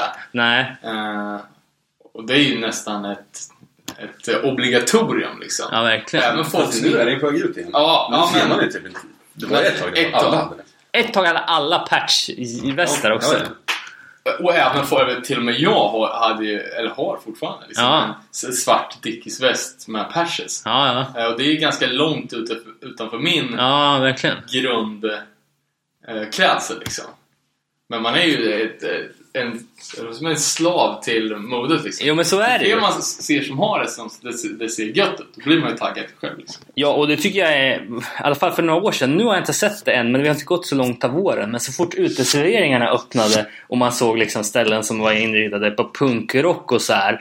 Eh, kvoten av Emil i Lönneberga-kepsar sköts i, i höjden liksom. Ja, Eh, Så lågt skulle jag dock. Nej, men, men, och det är mer en popgrej kanske. Men Jag tycker fan, jag tycker det ser ganska risigt ut alltså. Eller du kanske- det, men om fem år sist- Men du, du, du satt ju med en Emil i Lönneberga-keps på dig så sent som igår, i förrgår. Eh, och det såg jag helt okej. jag, tror- jag tror det kan vara med att man, man kan inte se sig själv nu är det väldigt stora situationstecken, så eh, liksom extrema grejer. fast, fast man måste ändå Men man, säga... man har ju inget problem med att, att gå med en keps med rak skärm ner ner på öronen. Nej, det är sant. Men eh, jag har ju sett era promobilder för kommande släpp här. Eh, du bär ju ändå upp hängslena och andra världskriget-frillan rätt så bra. Ja. Men, eh, och det är också en grej som eh, jag tyckte kom där i, i, bland annat i samband med Gallows med Frank Carter. Liksom att eh, det är lite oj, oj, eh, på det modet liksom med Ja. hängslena och, och sidobenen liksom och sådär. Att det är en Eh, Ja, det är nästan, det är nästan crew cut fast med sidobenen liksom. Ja. Det är andra världskriget frilla som jag har valt att kalla det för. Men, Ja, men jag läste nå- någonstans om att typ, så, bara, Nazi youth haircut. Och då var det, alltså, Men är inte det bara en stilig 50-talsfrisyr? Eh. Egentligen. det kanske det är. Jo, ja, men... Men den, är inte, den var inte så prominent som den blev. Man tyckte Nej. man såg den överallt.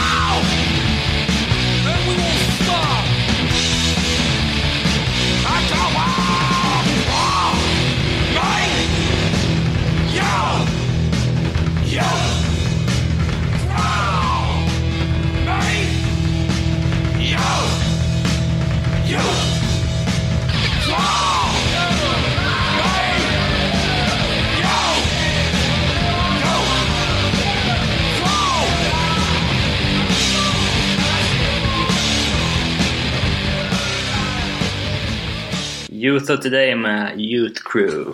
Eh, jag måste också säga så här, typ när det handlar om just punk och, eh, och hardcore liksom.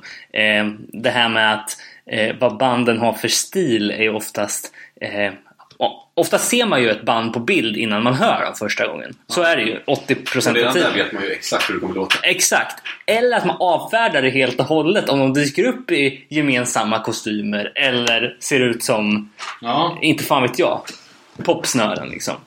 Ser de däremot någorlunda hardcore-aktiga ut eller helt jävla nersupna, men då blir man ju intresserad liksom. Eller väger 200 kilo. Det är liksom... Ja, det, det är sant. Och alltså, det där... Eh, jag tror att eh, man undermedvetet liksom baserar mer sin, ja, men, eh, sin åsikt på det visuella än vad man kanske tror. Ja, För, Och det, uppenbarligen funkar det ju också. Sex Pistols hade aldrig varit stora om de inte hade spökat ut sådär. Nej Ramones säkert. hade inte varit så... Kanske. men Om de hade sett ut som vem som helst. nej, nej, nej, nej, nej, så är det. Eh, Men då till Youth of Today och eh, alltså den här sportklädesstilen. För det är ju ett det är ju ett väldigt, väldigt stort steg från Sex Pistols-stilen. Ja, ja, verkligen. Eh, och då är det alltså en grej som fick ett jävligt stort genomslag från, alltså det är ju återigen tvärvändning på, på garderoben. Mm. Eh, liksom, och Youth of Today var ju ett av de första banden. Det var de, uh, Bold eller Crippled Youth då, som hette det från början, som Slapshot i, nere i Boston. Som, eh, som var liksom de första banden i den andra vågen av amerikansk hardcore. Mm. Eh, runt 80, 85, 86. Eh, och eh, då, det var ju återigen det så bara, vi kan inte liksom inte leva upp till skinhead-stilen. Det känns inte naturligt att ha boots utan vi är förortskids. Vi är inte gatubarn från New York längre liksom. Eh, så som en ja, men sportkläder, sånt som folk hade på high school sen liksom. Fast att man gjorde det Lite skruvat. Ja, lite till sitt eget. Eh, för det är ju väldigt, alltså, just det här Youth Crew-modet är ju så, det är ju så väldigt eh, abrupt. Uh, alltså en sån bjärt kontrast mot, eh, mot, mot punkens, liksom själva idealet är ju, punkidealet är ju att vara mot Men det är såhär anti-fashion typ. anti-fashion, ja men var mot samhället. Medan Youth Crew-modet var ju eh, liksom, alltså, tänk dig mest klassiska Youth Crew-accessoaren, Versity-jackan. Mm. Det är liksom det, det lokala fotbollslaget, det American football eh, lagets jacka som, Mm. som alla jocks hade. Eh, och nu börjar punkarna, eller hardcore-kidsen, ha den typen av kläder. Mm, mm. Och det, liksom de, eh, de fick ju jävligt mycket skit liksom att, eh, att de hade sålt ut eller svikit liksom punk, det som ansågs vara det korrekta punkmodet. Mm. Eh, men eh, liksom, ja, folk eh, resonerar så som att eh, det här var ju den uppdaterade skinnjackan. Liksom. Verstjackan. Eh, eller så här, ja men baseballjackan eller Letterman heter den också. Eh, det, jag, vet, jag vet inte vem, vem som var liksom först med det. Eh, Men eh, det, det snackas ju om att Chris Daly som hade Smorgasbord Records att han var första geniet och köra straight edge istället då för high school, college, sportlaget liksom. Just det. Och nu, har det ju, nu är det ju nästan så att varenda liten småstad i hela världen har en egen sån där jacka liksom. Ja. Med eget tryck på. I alla fall i USA. Eh, ja, och så det var, alltså varje skola hade ju en egen färgkombo också. Mm. Och så hade man skolans emblem på ena sidan och så kunde man förtjäna ett patch. Eh, och... ehm, Det kanske man skulle fråga nästa galning man ser med en patchjacka. Har du förtjänat alla de där? ja. Det är MC-gäng-style. Ja, jag menar det. Och eh, det, det sägs väl att eh, Rob Fisk eh, från 108 och eh, tidigare Resurrection och tidigare där, eh, Release att han var den första med att förtjäna exet. Eh, det, det måste måste vara ganska, ganska självklart liksom att om man ska byta ut, för patcharna var ju i form av olika bokstäver. Eh, fanns något gammalt dokument där man, det stod vad man skulle uppfylla för att få förtjäna det där. Eller? Det vore kul att se. Uh, ja, ja. Versus-jackan är ju liksom, den är ju ständigt, ständigt aktuell. Ehm, och jag så- såg ju här att Gorilla Biscuits gjorde ju en, en Versity tillsammans med Super 7. Där, eh, det är väl ett leksaksföretag, de som har gjort de här Gorilla Biscuits vinylgubbarna så här. Eh, som var jävligt fet. Men den låg också på 300 dollar så. Oh, jävlar. Borde göra business. De är rätt dyra de här jackorna. Ja, jag Det gjorde är det. väl typ bomull och läder och så. Eh, ja, och jag vet Youth of Today som också var, var tidiga med, med vegetarianismen.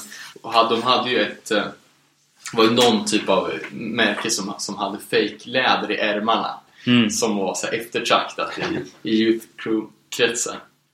Eh, sen en annan grej då som, som också känns som ett litet trendbrott är ju tekniken på t-shirtar. Mhm. Eh, Från att varit eh, liksom hemmagjorda t-shirtar eh, med tuschpenna var liksom standard. Så nu jävlar på Youth Crew-tiden så vart det äntligen Ja, om det är tryckteknikerna som har uppgraderats eller någonting. Men t-shirtar med tryck, gärna röda. Det känns som att det kanske var enda gången i hardcore som en röd t-shirt var speciellt populär. Ehm, och man kunde rocka t-shirt, XL t-shirt liksom. Och gärna över en hoodie till exempel. Mm. Som eh, man ser på Project X uh, inlayet där. Eh, och sen t-shirt med, med tryck, alltså jävligt mycket tryck. Trycka, trycka på ärmarna på kortärmade tröjor var ju också jävligt populärt på den tiden. Eh, Det är ju också, det är bara, det är fortfarande så. Ba, bara från USA man beställer long sleeves och man får massa tryck på armarna liksom. ja. Är det trendigt i skatevärlden också? Ja, det kanske det. Eh, ja, skate och, och hardcore punk-modet har ju också gått mer eller mindre hand i hand genom, genom historien. Liksom, eh, just nu så är väl eh, punk och skate lite närmare än det har varit. Vissa perioder så är det ju jävligt långt ifrån. Men på den här ibland är tiden... det exakt samma sak. Ja, exakt.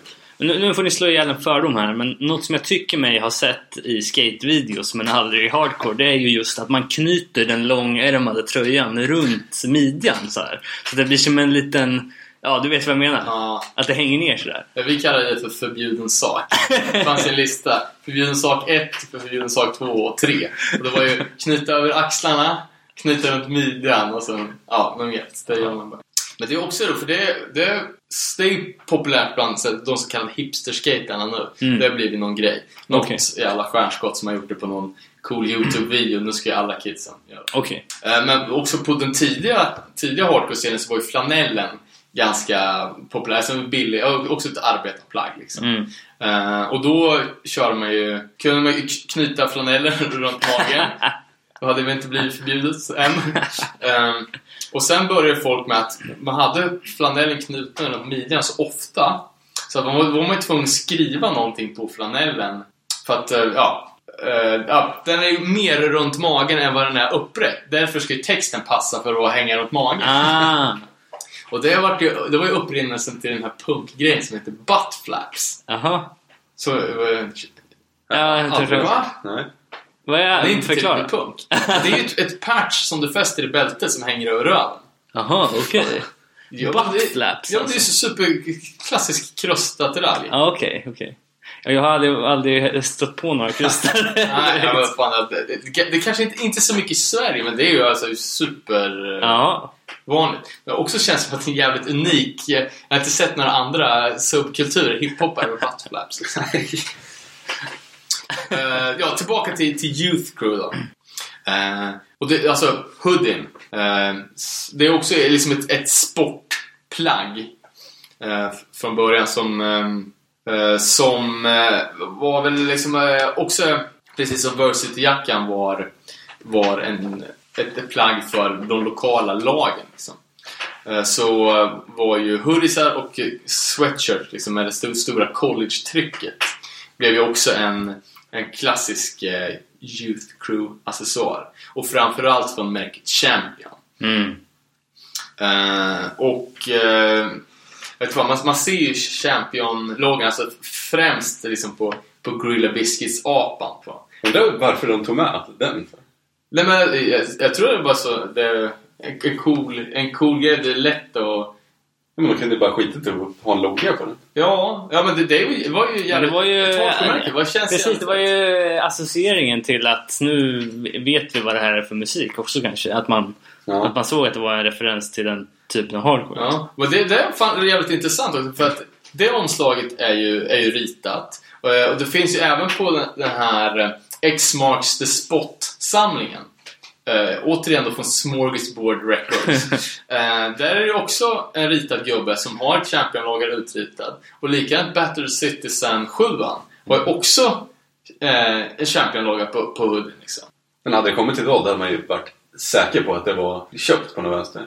Men det... Ja, du vet, de- Nej, Ja, ja, vet, men- vet vad som är ännu mer troligt? Det är att, de, att det skulle stå Gorilla Biscuits på den där tröjan. Men att det skulle stå i samma typsnitt och med samma bokstäver Ja. som Champion-loggan.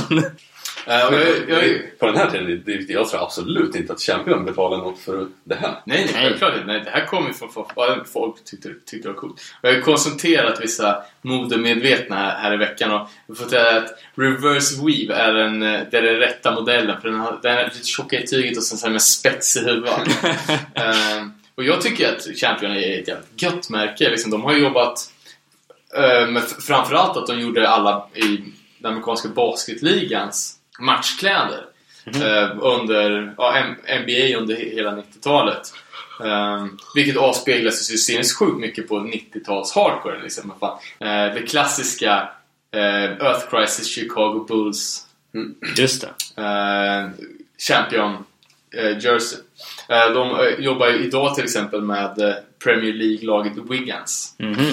Eh, och de gjorde ju också klassiskt i andra hardcore-sammanhang med det här, jag tror det är ett college-fotbollslag, en- Notre Dame som har fight, Fighting Irish, ett här Mm. en leprechaun som boxar som.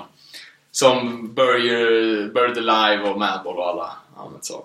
Eh, Just den här typen av hardcore också, det känns som att den typiska, den tidstypiska frillan är ju också helrakat. Känns ju som. ja, fast jag Ja, tror det ja. börjar fejda över lite ner till, till crewcut. Ah, ja, det. Uh, ja. Ehm, En blonderad. Ja, men exakt. Gär- Gärna blonderad. um, och uh, frillan kommer ju ut, ursprungligen från, från England liksom, och funnits sedan sen 1800-talet. Ehm, men eh, ja, eh, his, historien säger ju att det var roddlagen på uh, ja, men de här tri-state, eller de här topp toppskolorna, Ivy League Ja. Med Hardward. Eh, att roddlagen började ha den här frillan. För det är ju, och nu, nu snackar vi alltså på, på 1800-talet. Ja. Eh, för att det var en frilla som man kunde ha eh, som roddare, där håret inte åkte in i ögonen. Liksom. och, och inte då heller på, på den stackars jäveln som satt bakom. Eh, så den här frillan kallas ju för The Harvard Clip. Eh, eller Crew Cut eller li- liknande. Liksom. Men någon gång då på under, eh, under 20-talet när den elektriska rakapparaten uppfanns. Eh, för innan det så hade man ju folk inte så korta frisyrer. Nej. Eh, för det var ju ett helvete att hålla det skick, Då liksom. fick man ta lien eller... Ja men jag minns jag, folk så... Men en rakhyvel måste jag ha. Ja, jo, men ja, du kan ju... Det är så- Visst man gör en fade med... Ja, det. Jag vet fan. Eh, men cr- crewcutten kommer utanför, uh, utanför hardcore-svängen vart ju jävligt stor eh, senare på 80-talet. Liksom. Men då är det lite högre modellen, den så kallade flat-toppen. Det ser för jävligt ut. Eh, men jag vet fan, jag, ty- jag tycker crewcuts är fan... Det är ju rätt underskattat. Det är intressant där när man pratar om eh, frisyrer och hardcore också i mode. Man tänker på, och även punk, liksom krustpunkarna. Där är ju dreadsen det mest eh, förknippade. Men jag tycker fan att det är en annan frisyr som är eh, uppe där och harvar också just bland krustare. Det är det här man, man drar allt hår framåt och man har svart frisyr så att det ligger så här liksom. De här.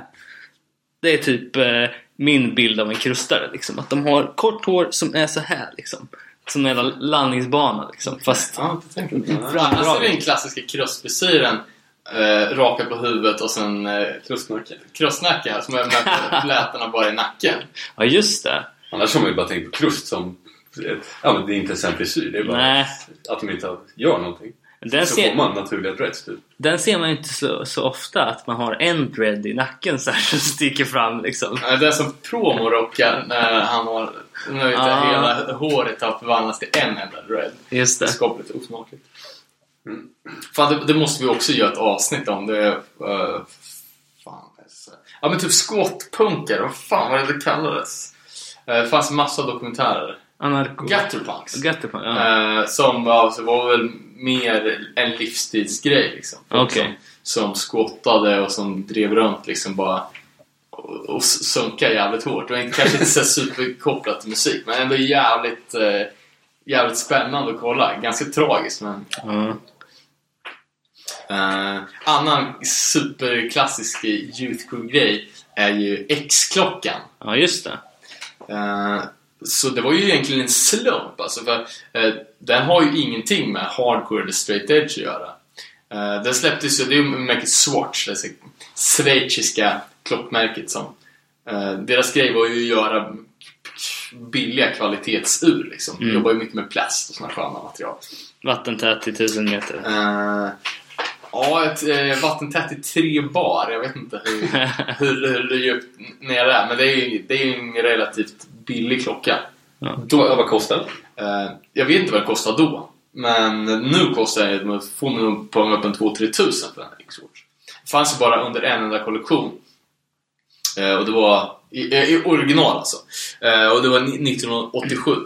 Och det var ju väl precis liksom när Youth Crew-vågen var, var på gång att bli som starkast. Och sen då att en, ett företag är klocka med ett stort jävla X på. Mm. Då var det liksom en, en, en hit i, i de kretsarna. Men Vad sa du att det hette? S-Watch? Eller... E- X-Watch från Swatch. Ja, just det. Swatch, ja, just det. Det är ju dåligt business move att inte fortsätta göra den. Men jag tror inte om eh, ett par hundra I och för sig. nykterister i, på östkusten i USA köper den. Det tror inte spelar någon roll på den totala marknaden. Eh, sen har vi ju även high tops. Eh, när...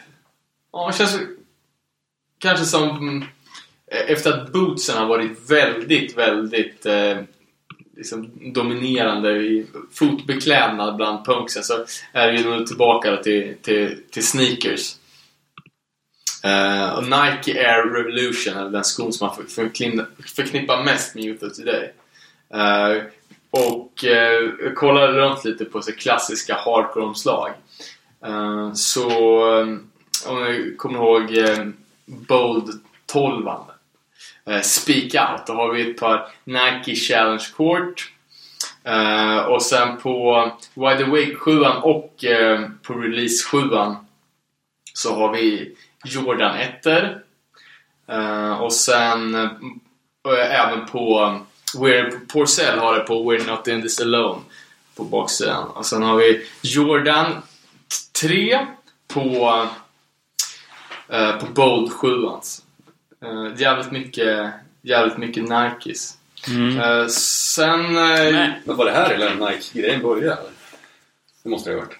Ja, ja, det var väl ingen som hade Nikes innan... Inte punksammanhang. Och det har ju också blivit eh, jävligt... Det är alltså ett av de varumärken som är nästan mest förknippat med, med hardcore. Gillar ni Air Max? Jag tycker fan inte att de är sköna. Jag tycker de är för tjocka. Ja, jag har fan aldrig haft. Jag har jobbat i skobranschen vet du, i tio Ja. år, så jag har inte köpt ett par skor sedan 90-talet. Ja, just det. Jag har alltid tyckt att de var för tjocka, men New Balance är sköna. Ja, ja. Ja, så- Förlåt. Ehm, och även ganska mycket Adidas. Adidaslers härliga tyska varumärke som eh, ja men så Sick Overall hade ju alltid det på, på sina omslag. Och eh, Revelation gjorde ju en Adidas Adidas-modell här till något, något jubileum. Um, ja, vet fan, Youth Crew-stilen har ju överlag liksom eh, alltså ju längre tiden gick och ju mer sportigt det blev så blev det också mer och mer parodiskt. Mm. Men på slutet liksom Stilen var så jävla helylle då. Pannband, liksom. Ja, jag menar allting just, just också med liksom eh, det ser inte så farligt ut. Nej, men, men att det är så PMA, det är Mm. nyktert, man ska borsta tänderna, inte svära. Eh, och, och sådana grejer som, som Crucial Youth liksom in, införde när man ska, när de, visserligen då på skämt, men liksom tog straight edge vidare till att inte skräpa ner. ja, jag vet fan. Ja. Det var Youth Crew-stilen. Men den, vad- har ju, ändå- den hänger ju i. Fan. De som rockar det gör det ju. Det är fan die hard. Ja, Det är inte mycket svängrum där inte. Nej, verkligen helt eh, okompromisslöst just när det gäller varsity-jackan också. Det går inte att blanda in ett nitbälte eller någonting i den här stilen. Nej. Nej, ja, det är ju en stil som är väldigt lätt att hålla, hålla uppe. Eh, I och med att den är så jävla cut liksom. Eh, och sen att liksom, män som börjar närma sig 40 som är nyktra. De har bra jobb, eh, de spenderar inte mycket pengar på, på krogen. Därför finns det en jävla budget för att köpa på sig liksom varsity-jackor, sneakers och, och liksom gamla, gamla 80-tals band-t-shirtar. Eh, Ja, fan, det tycker jag är Ja, det var li lite om mode alltså. Eh, jag vet inte, ska vi ta och säga så eh, om vi inte har så mycket mer? Så... Ja, fan, har, har, eh, en grej till också på en 90-talsgrej som nästan var ett obligatorium där ett tag. Aha. Det är Krishna Beats. eh, Hare Krishnas radband som är...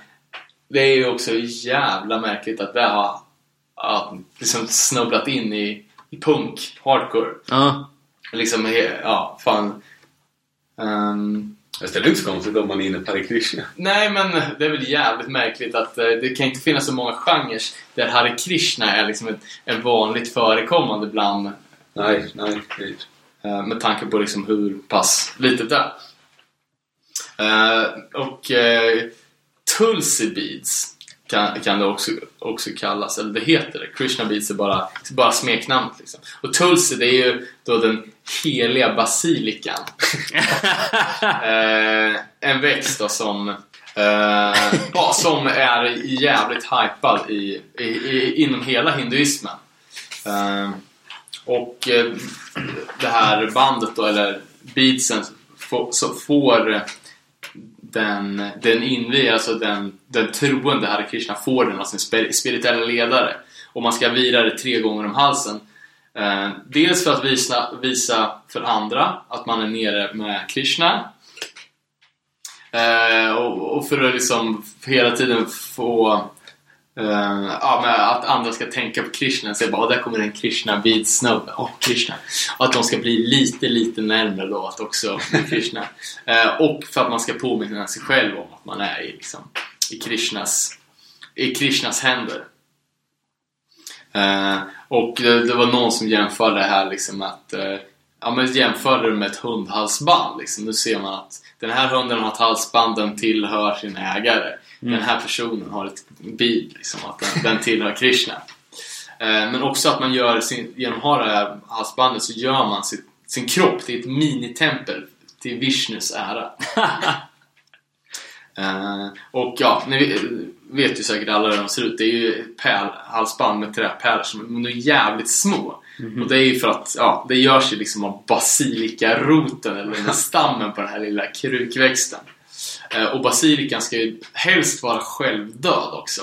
Eh, och det går ju liksom i linje med, med, med hinduismen så att man inte ska döda levande ja, sila vatten. Ja, okej, okej. Så det är ett jävla mission liksom att så här, odla basilika och låta den själv dö. För att Ja, ja, verkligen. Det är ju ett rejält åtagande, men det är väl där de vill att det ska vara. Liksom, som man visar, visar sin vördnad, så att säga. Men jag tänkte på det här, om man skulle ta föra in någonting i 2010-talet då som, som har med någon av de här stilarna att göra som ett nytt komplement. Jag tänkte på sportkläderna, alltså. En supergrej som, som borde ske, det är ju jojon. Det borde ju vara någonting som, som togs in i 2010-talet och placerades i den eh, modekategorin liksom. Ja, det är jävligt att Det måste ju vara något band som har gjort jojo som merch. Ja, ja precis. Men jag menar, om man tittar på hipsterpunkarna idag. De tog ju in eh, Bathory-t-shirten till exempel. Och gjorde den till, till sin på något Ja. vis. Eh, om jojon skulle passa i sportkläderna. Jag vet inte vad man skulle kunna lyfta in i punkarna. Det skulle vi kanske vara ta, ta tillbaka eh, antingen Vuvuzelan för att visa att här, här är vi. Eller bangers från fotbollshuliganer kanske. Ja, ja, ja, det- ja alltså, också mm, lite mer livsstilsplanet. Ja. Alltså det här med guerrilla gardening och Ja, Eller, ja. eller hur? eh, att man ser Neat Pie ligger på alla fyra i trädgårdslandet och odlar de här prylar. Ja, spännande. Men alltså, vad har varit trendigt eh, så länge vi har lyssnat på hardcore och på senare år liksom? Är det någonting som vi har tagit till oss någon gång i livet som vi nu inte känner att vi kan bära upp längre och så vidare? Jag tänker bara på mig själv när det gäller de här, den här Warhound-stilen liksom med XL t-shirt och, och liksom nästan hiphop. Alltså jag skulle älska att gå i eh, t-shirt och mjukisbyxor liksom, men det är sällan jag gör det på spelning liksom. Men man tänker alltid att, att det inte har ändrats så mycket. Det har ju ändrats sjukt mycket på den tiden man själv har lyssnat på det. Ja, ja, Ja, verkligen. ja, men precis. Att man tycker att ja, jag har exakt samma stil. Det Men i själva verket har man ju pendlat så, återigen som en jävla Ja. jojo. Verkligen. Om man, verk, om Och man rannsakar sig själv. Ser alla typ likadana ut. Ja. Så är det ju. Ehm, ja, ja. det tycker jag man märker direkt Sen om, Era, raka nya kepsar och eat shit byxor till... till five panel och skägg. Ja. Och då också har man stannat lite på flanellskjorta och... Ja. Det betyder att man märker på spelning också om det kommer in en punkare med, med mohawk liksom, eller med skinnjacka eller nitjacka. ja, det är ju unikt. Det är ju väldigt... Ja. Mm. Men å andra sidan, det var som du sa där också, det var intressant att reflektera över det hur bara för några år sedan så hade alla patch jeansväst och, och nu är det bara helt borta liksom. Ja, Ja, är det det? jag vet inte. Fan, jag har ju precis patchat upp min Ja, skitklädd. du har gjort det? Jag har inte fått spara en tio år. Nej men en sak liksom som det här jävla perversa shortsmodet. Mm. Alltså, Och korta shorts menar du? ja. Det, det är alltså, jag ber, ber till högre makter att det ska vara slut snart för jag tycker det är, det är den sämsta stilen alltså. Fast det är inte så jävla cleant att ha shorts även för heller. Nej, kanske inte. Men om du, om du tänker att eh, för, ja inte fan vet jag. Men under den här liksom power violence-eran då kunde man ju se folk med korta shorts. Och då gick de ju liksom till tajta shorts som slutade under knät. Men det här har ju liksom krypit längre och längre upp och jag, jag vet inte om det är något, att det modet kommer ifrån Känns som en jävla seglarmode. Jag tror det, ja exakt, det kommer från från Båstad. verkliga livet.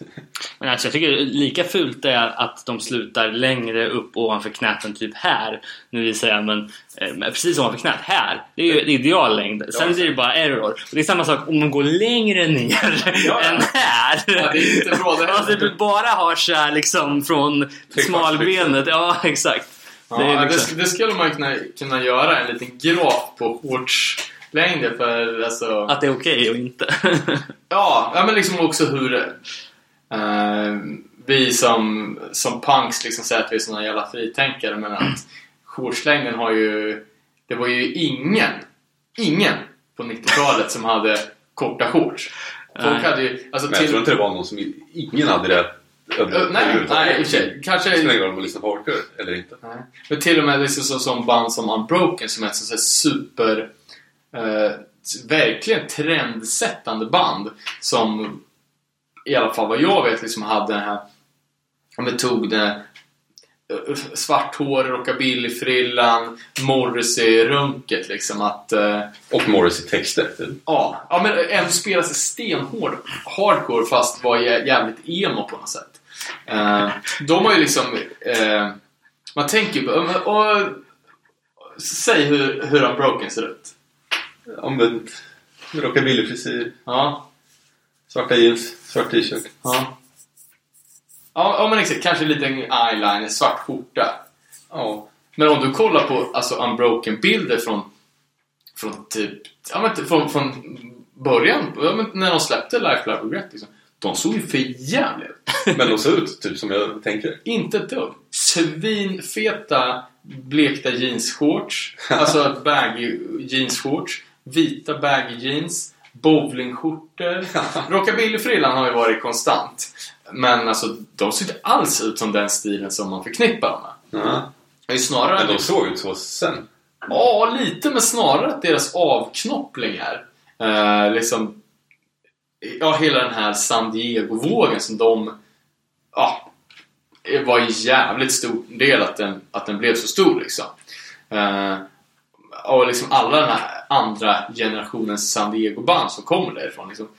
Eh, och jag tror att den andra generationens San Diego hardcore-band som kom lite in mot slutet av 90-talet var ju mycket större i Sverige än vad de tidiga banden som Struggle och Unbroken liksom. Uh, som Swing Kids och Locust och de här Crimson Cursed och 31G-banden var ju, upplevde jag i alla fall, som de största i, i Sverige där eh, under ett tag liksom. Och det var ju också en jävligt speciell stil som jag ganska säker på att de banden var inspirerade av Unbroken och tog det vidare liksom. Mm. Eh, mot slutet hade ju Unbroken alltså uh, säga, Dickies och skjortor hade de ju. Men att de kanske läng- längre inte hade mönstrade bowlingskjortor. Men de hade ja, jävligt ofta vita skjortor. Och det, är, det är inte riktigt den bilden man får. Nej. Vad menas med Morrissey-texter då? Ja, men det var fan lite självömkan, eller depression. För det, det påminner... Inte så mycket... Inte så mycket djuret eller... Nej, nej. Det påminner om... Eh, Eller? Positiv. Ja, vad fan djuret? Djur. Ja. såg ni den där roliga... Det är ju jävligt mycket... Crisis. Nej, men det är jävligt mycket straight edge. Unbroken är ju ett... De var ju super... På den tiden. Super straight edge. Det var ju liksom hela fokus med det där bandet. Mm. De hette Unbroken för att de hade sett den första generationens straight edge band alla hade sålt ut. Mm. Medan de var Unbroken straight edge. Mm. Och ja, ja jävligt, jävligt. Ja, just när det gällde emo-texter så såg ni den här eh, rubriken från The Hard Times i veckan? Eh, Girl hears your sad song, changes her mind eller något sånt där. ja, det var lite roligt. Och även alltså Unbroken-stilen i sin förlängning är ju det som, som också landade väldigt bra i Sverige eh, några år senare med hela American Nightmare. Och så, som hade... När de, de, när de blev populära, då bytte ju alla stil på en vecka, typ. Jag har fan lite svårt alltså, att sätta fingret på vad, vad fan folk hade för grejer. Eh, Men det känns som att, att det varit jävligt dressat. Men vad var American Nightmare-stilen då? Ja, men det är det jag försöker komma ihåg. Och fortfarande svart. Kan det ha varit att snedbenan kom innan fashioncore? Ja. Den hade så här, haka i nycklar i bältet tror jag var något man gjorde då. Eh, det var ju definitivt slut på, på baggy jeans. Det känns som ni ändå har en känsla för vad stilen var. Det är bara svårt att uttrycka Ja, ja men ta- helheten. tajtare brallor, svartare kläder. Flanellskjorta. Och det är också, eh, också en man skulle kunna en tidslinje på t-shirt-storlekarna. Ja. Alltså, jag är så pass gammal så att när jag började köpa hardcore-kläder då fan tillverkas de ju inte ens i mindre än XL. Och sen är de gradvis liksom, ja, i min Men man har ju gått igenom i princip alla storlekar. Och sen har man ju landat i medium här. Ja, ja men exakt. Börja på XL, gick det ner till large, medium, small, X-small, youth large. Och sen bara, nu jobbar man sig uppåt igen. Jag tycker aldrig man kan landa i medium. Jag tycker alltid de känns för små. Ja, ja, jag är också mer en large guy alltså. Men snart är man uppe på XL och sen vänder man ner igen. Ska vi spekulera lite, lite vad som kommer då? Mm, det är mode... Ja, det känns väl, man har ju gått igenom så jävla mycket, eller Bikerstil och jeansvästen och Ja, exakt. Blottarrocken och... Ja, den har inte riktigt fått fäste. Sugarstilen var väl jävligt inne ett tag. Ja, och det är, ja, men det är fla- flanellen från första generationens liksom, hardcore. Den har ju varit på, på tapeten. Jag tycker man ser också rätt mycket så här. eh, Alltså, det har ju varit lite så här skinhead oj. Det, alltså många har haft bomberjacka och någon så här patch här på sidan av armen. Ja, men, ja, men bara som att liksom, Adam Tensta rockade klassiska skinhead-attiraljer. Liksom. Mm. Det är ju jävligt skönt. Du, alltså, du ser ju inte en tonåring på stan utan en bomberjacka. Nej, precis. Det är som 94 igen. Eh, Så är nästa grej som kommer komma om allt nu är cykliskt, Vans skor och shorts och, och bakframvänd keps eller? Ja, tänker du den vet- klassiska pop-punkstilen. Ja, exakt. Men du hade kollat lite på bi- bikerstilen. Jag skulle försöka kolla i alla fall. Det, känd, det var ju ett tag där var i, folk såg ut som MC-medlemmar. Mhm. Mer eller mindre. Det är svårt att hitta. Jag tänker direkt på eh, som Crowd Deterrent och de eh, med, eh, eller liksom 90-talet med, med Biohazard. Ja. Men också eh, ja, men just att ha den här fängelsestilen liksom. Och bandan! Men ser, Ja. lite, ser lite lätt kriminell ut. Ja. Som att de är ett gäng typ. Ja. Det gör ju Madball också.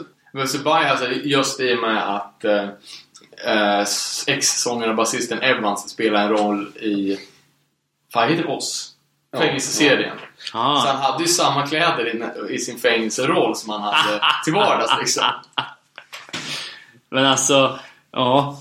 Men det var ju rätt stort här, men jag tror det var... Fan, det är så typ graveyard-snubbar som pysslar med sånt. Uh, ja, jag, jag kan inte komma på några, några andra några, svenska hardcore-band som kör bikerstilen. Nej. Uh, däremot, alltså, ja, alltså den, den grejen är ju väldigt stort överlag. Mm. Men det är också en, en åldersgrej. Jag antar att alla ens polare får någon typ av kris och måste börja bygga bikes. Ja, precis. Men alla 90-talsgrejer är ju, är ju på väg tillbaka. Så det är väl bara att komma på vilka som inte... Ja, och jag menar nu när vi satt här och snackade, jag blev ju sugen på att åka hem och köpa en X-Watch för fan. Eller baggy jeans. ja, Ja, alltså baggy jeans kommer ju komma tillbaka. Det, det, Det, känns är ju redan ju... skrivit. Ja, ja men det är sant. Ja. och jag menar det är inte långt kvar tills Champion gör ett återtåg. Jag menar Fila är ju redan poppis igen. Ja. ja, problemet är att Champion har ju inte vårdat sig, i alla fall inte i Sverige, de har ju inte vårdat sitt varumärke speciellt bra. De säljer ju liksom Champion på ICA Maxi. jaha. Och på alltså, de här internetbutikerna så kan du köpa en Champion hoodie. Dock inte den rätta modellen för 319 spänn. Jaha. Jag tycker de fortfarande dock att de är för sjukt feta. eh, men det är bara jag. Det är för att jag vill vara gorillan på, på Gorilla Biscuits sjön. Då är jag nöjd. Ja. Men ska vi call it kanske? Är vi ändå på här ett tag? Ja, fan jag har ju matat det här till vägs ände tror jag. Precis.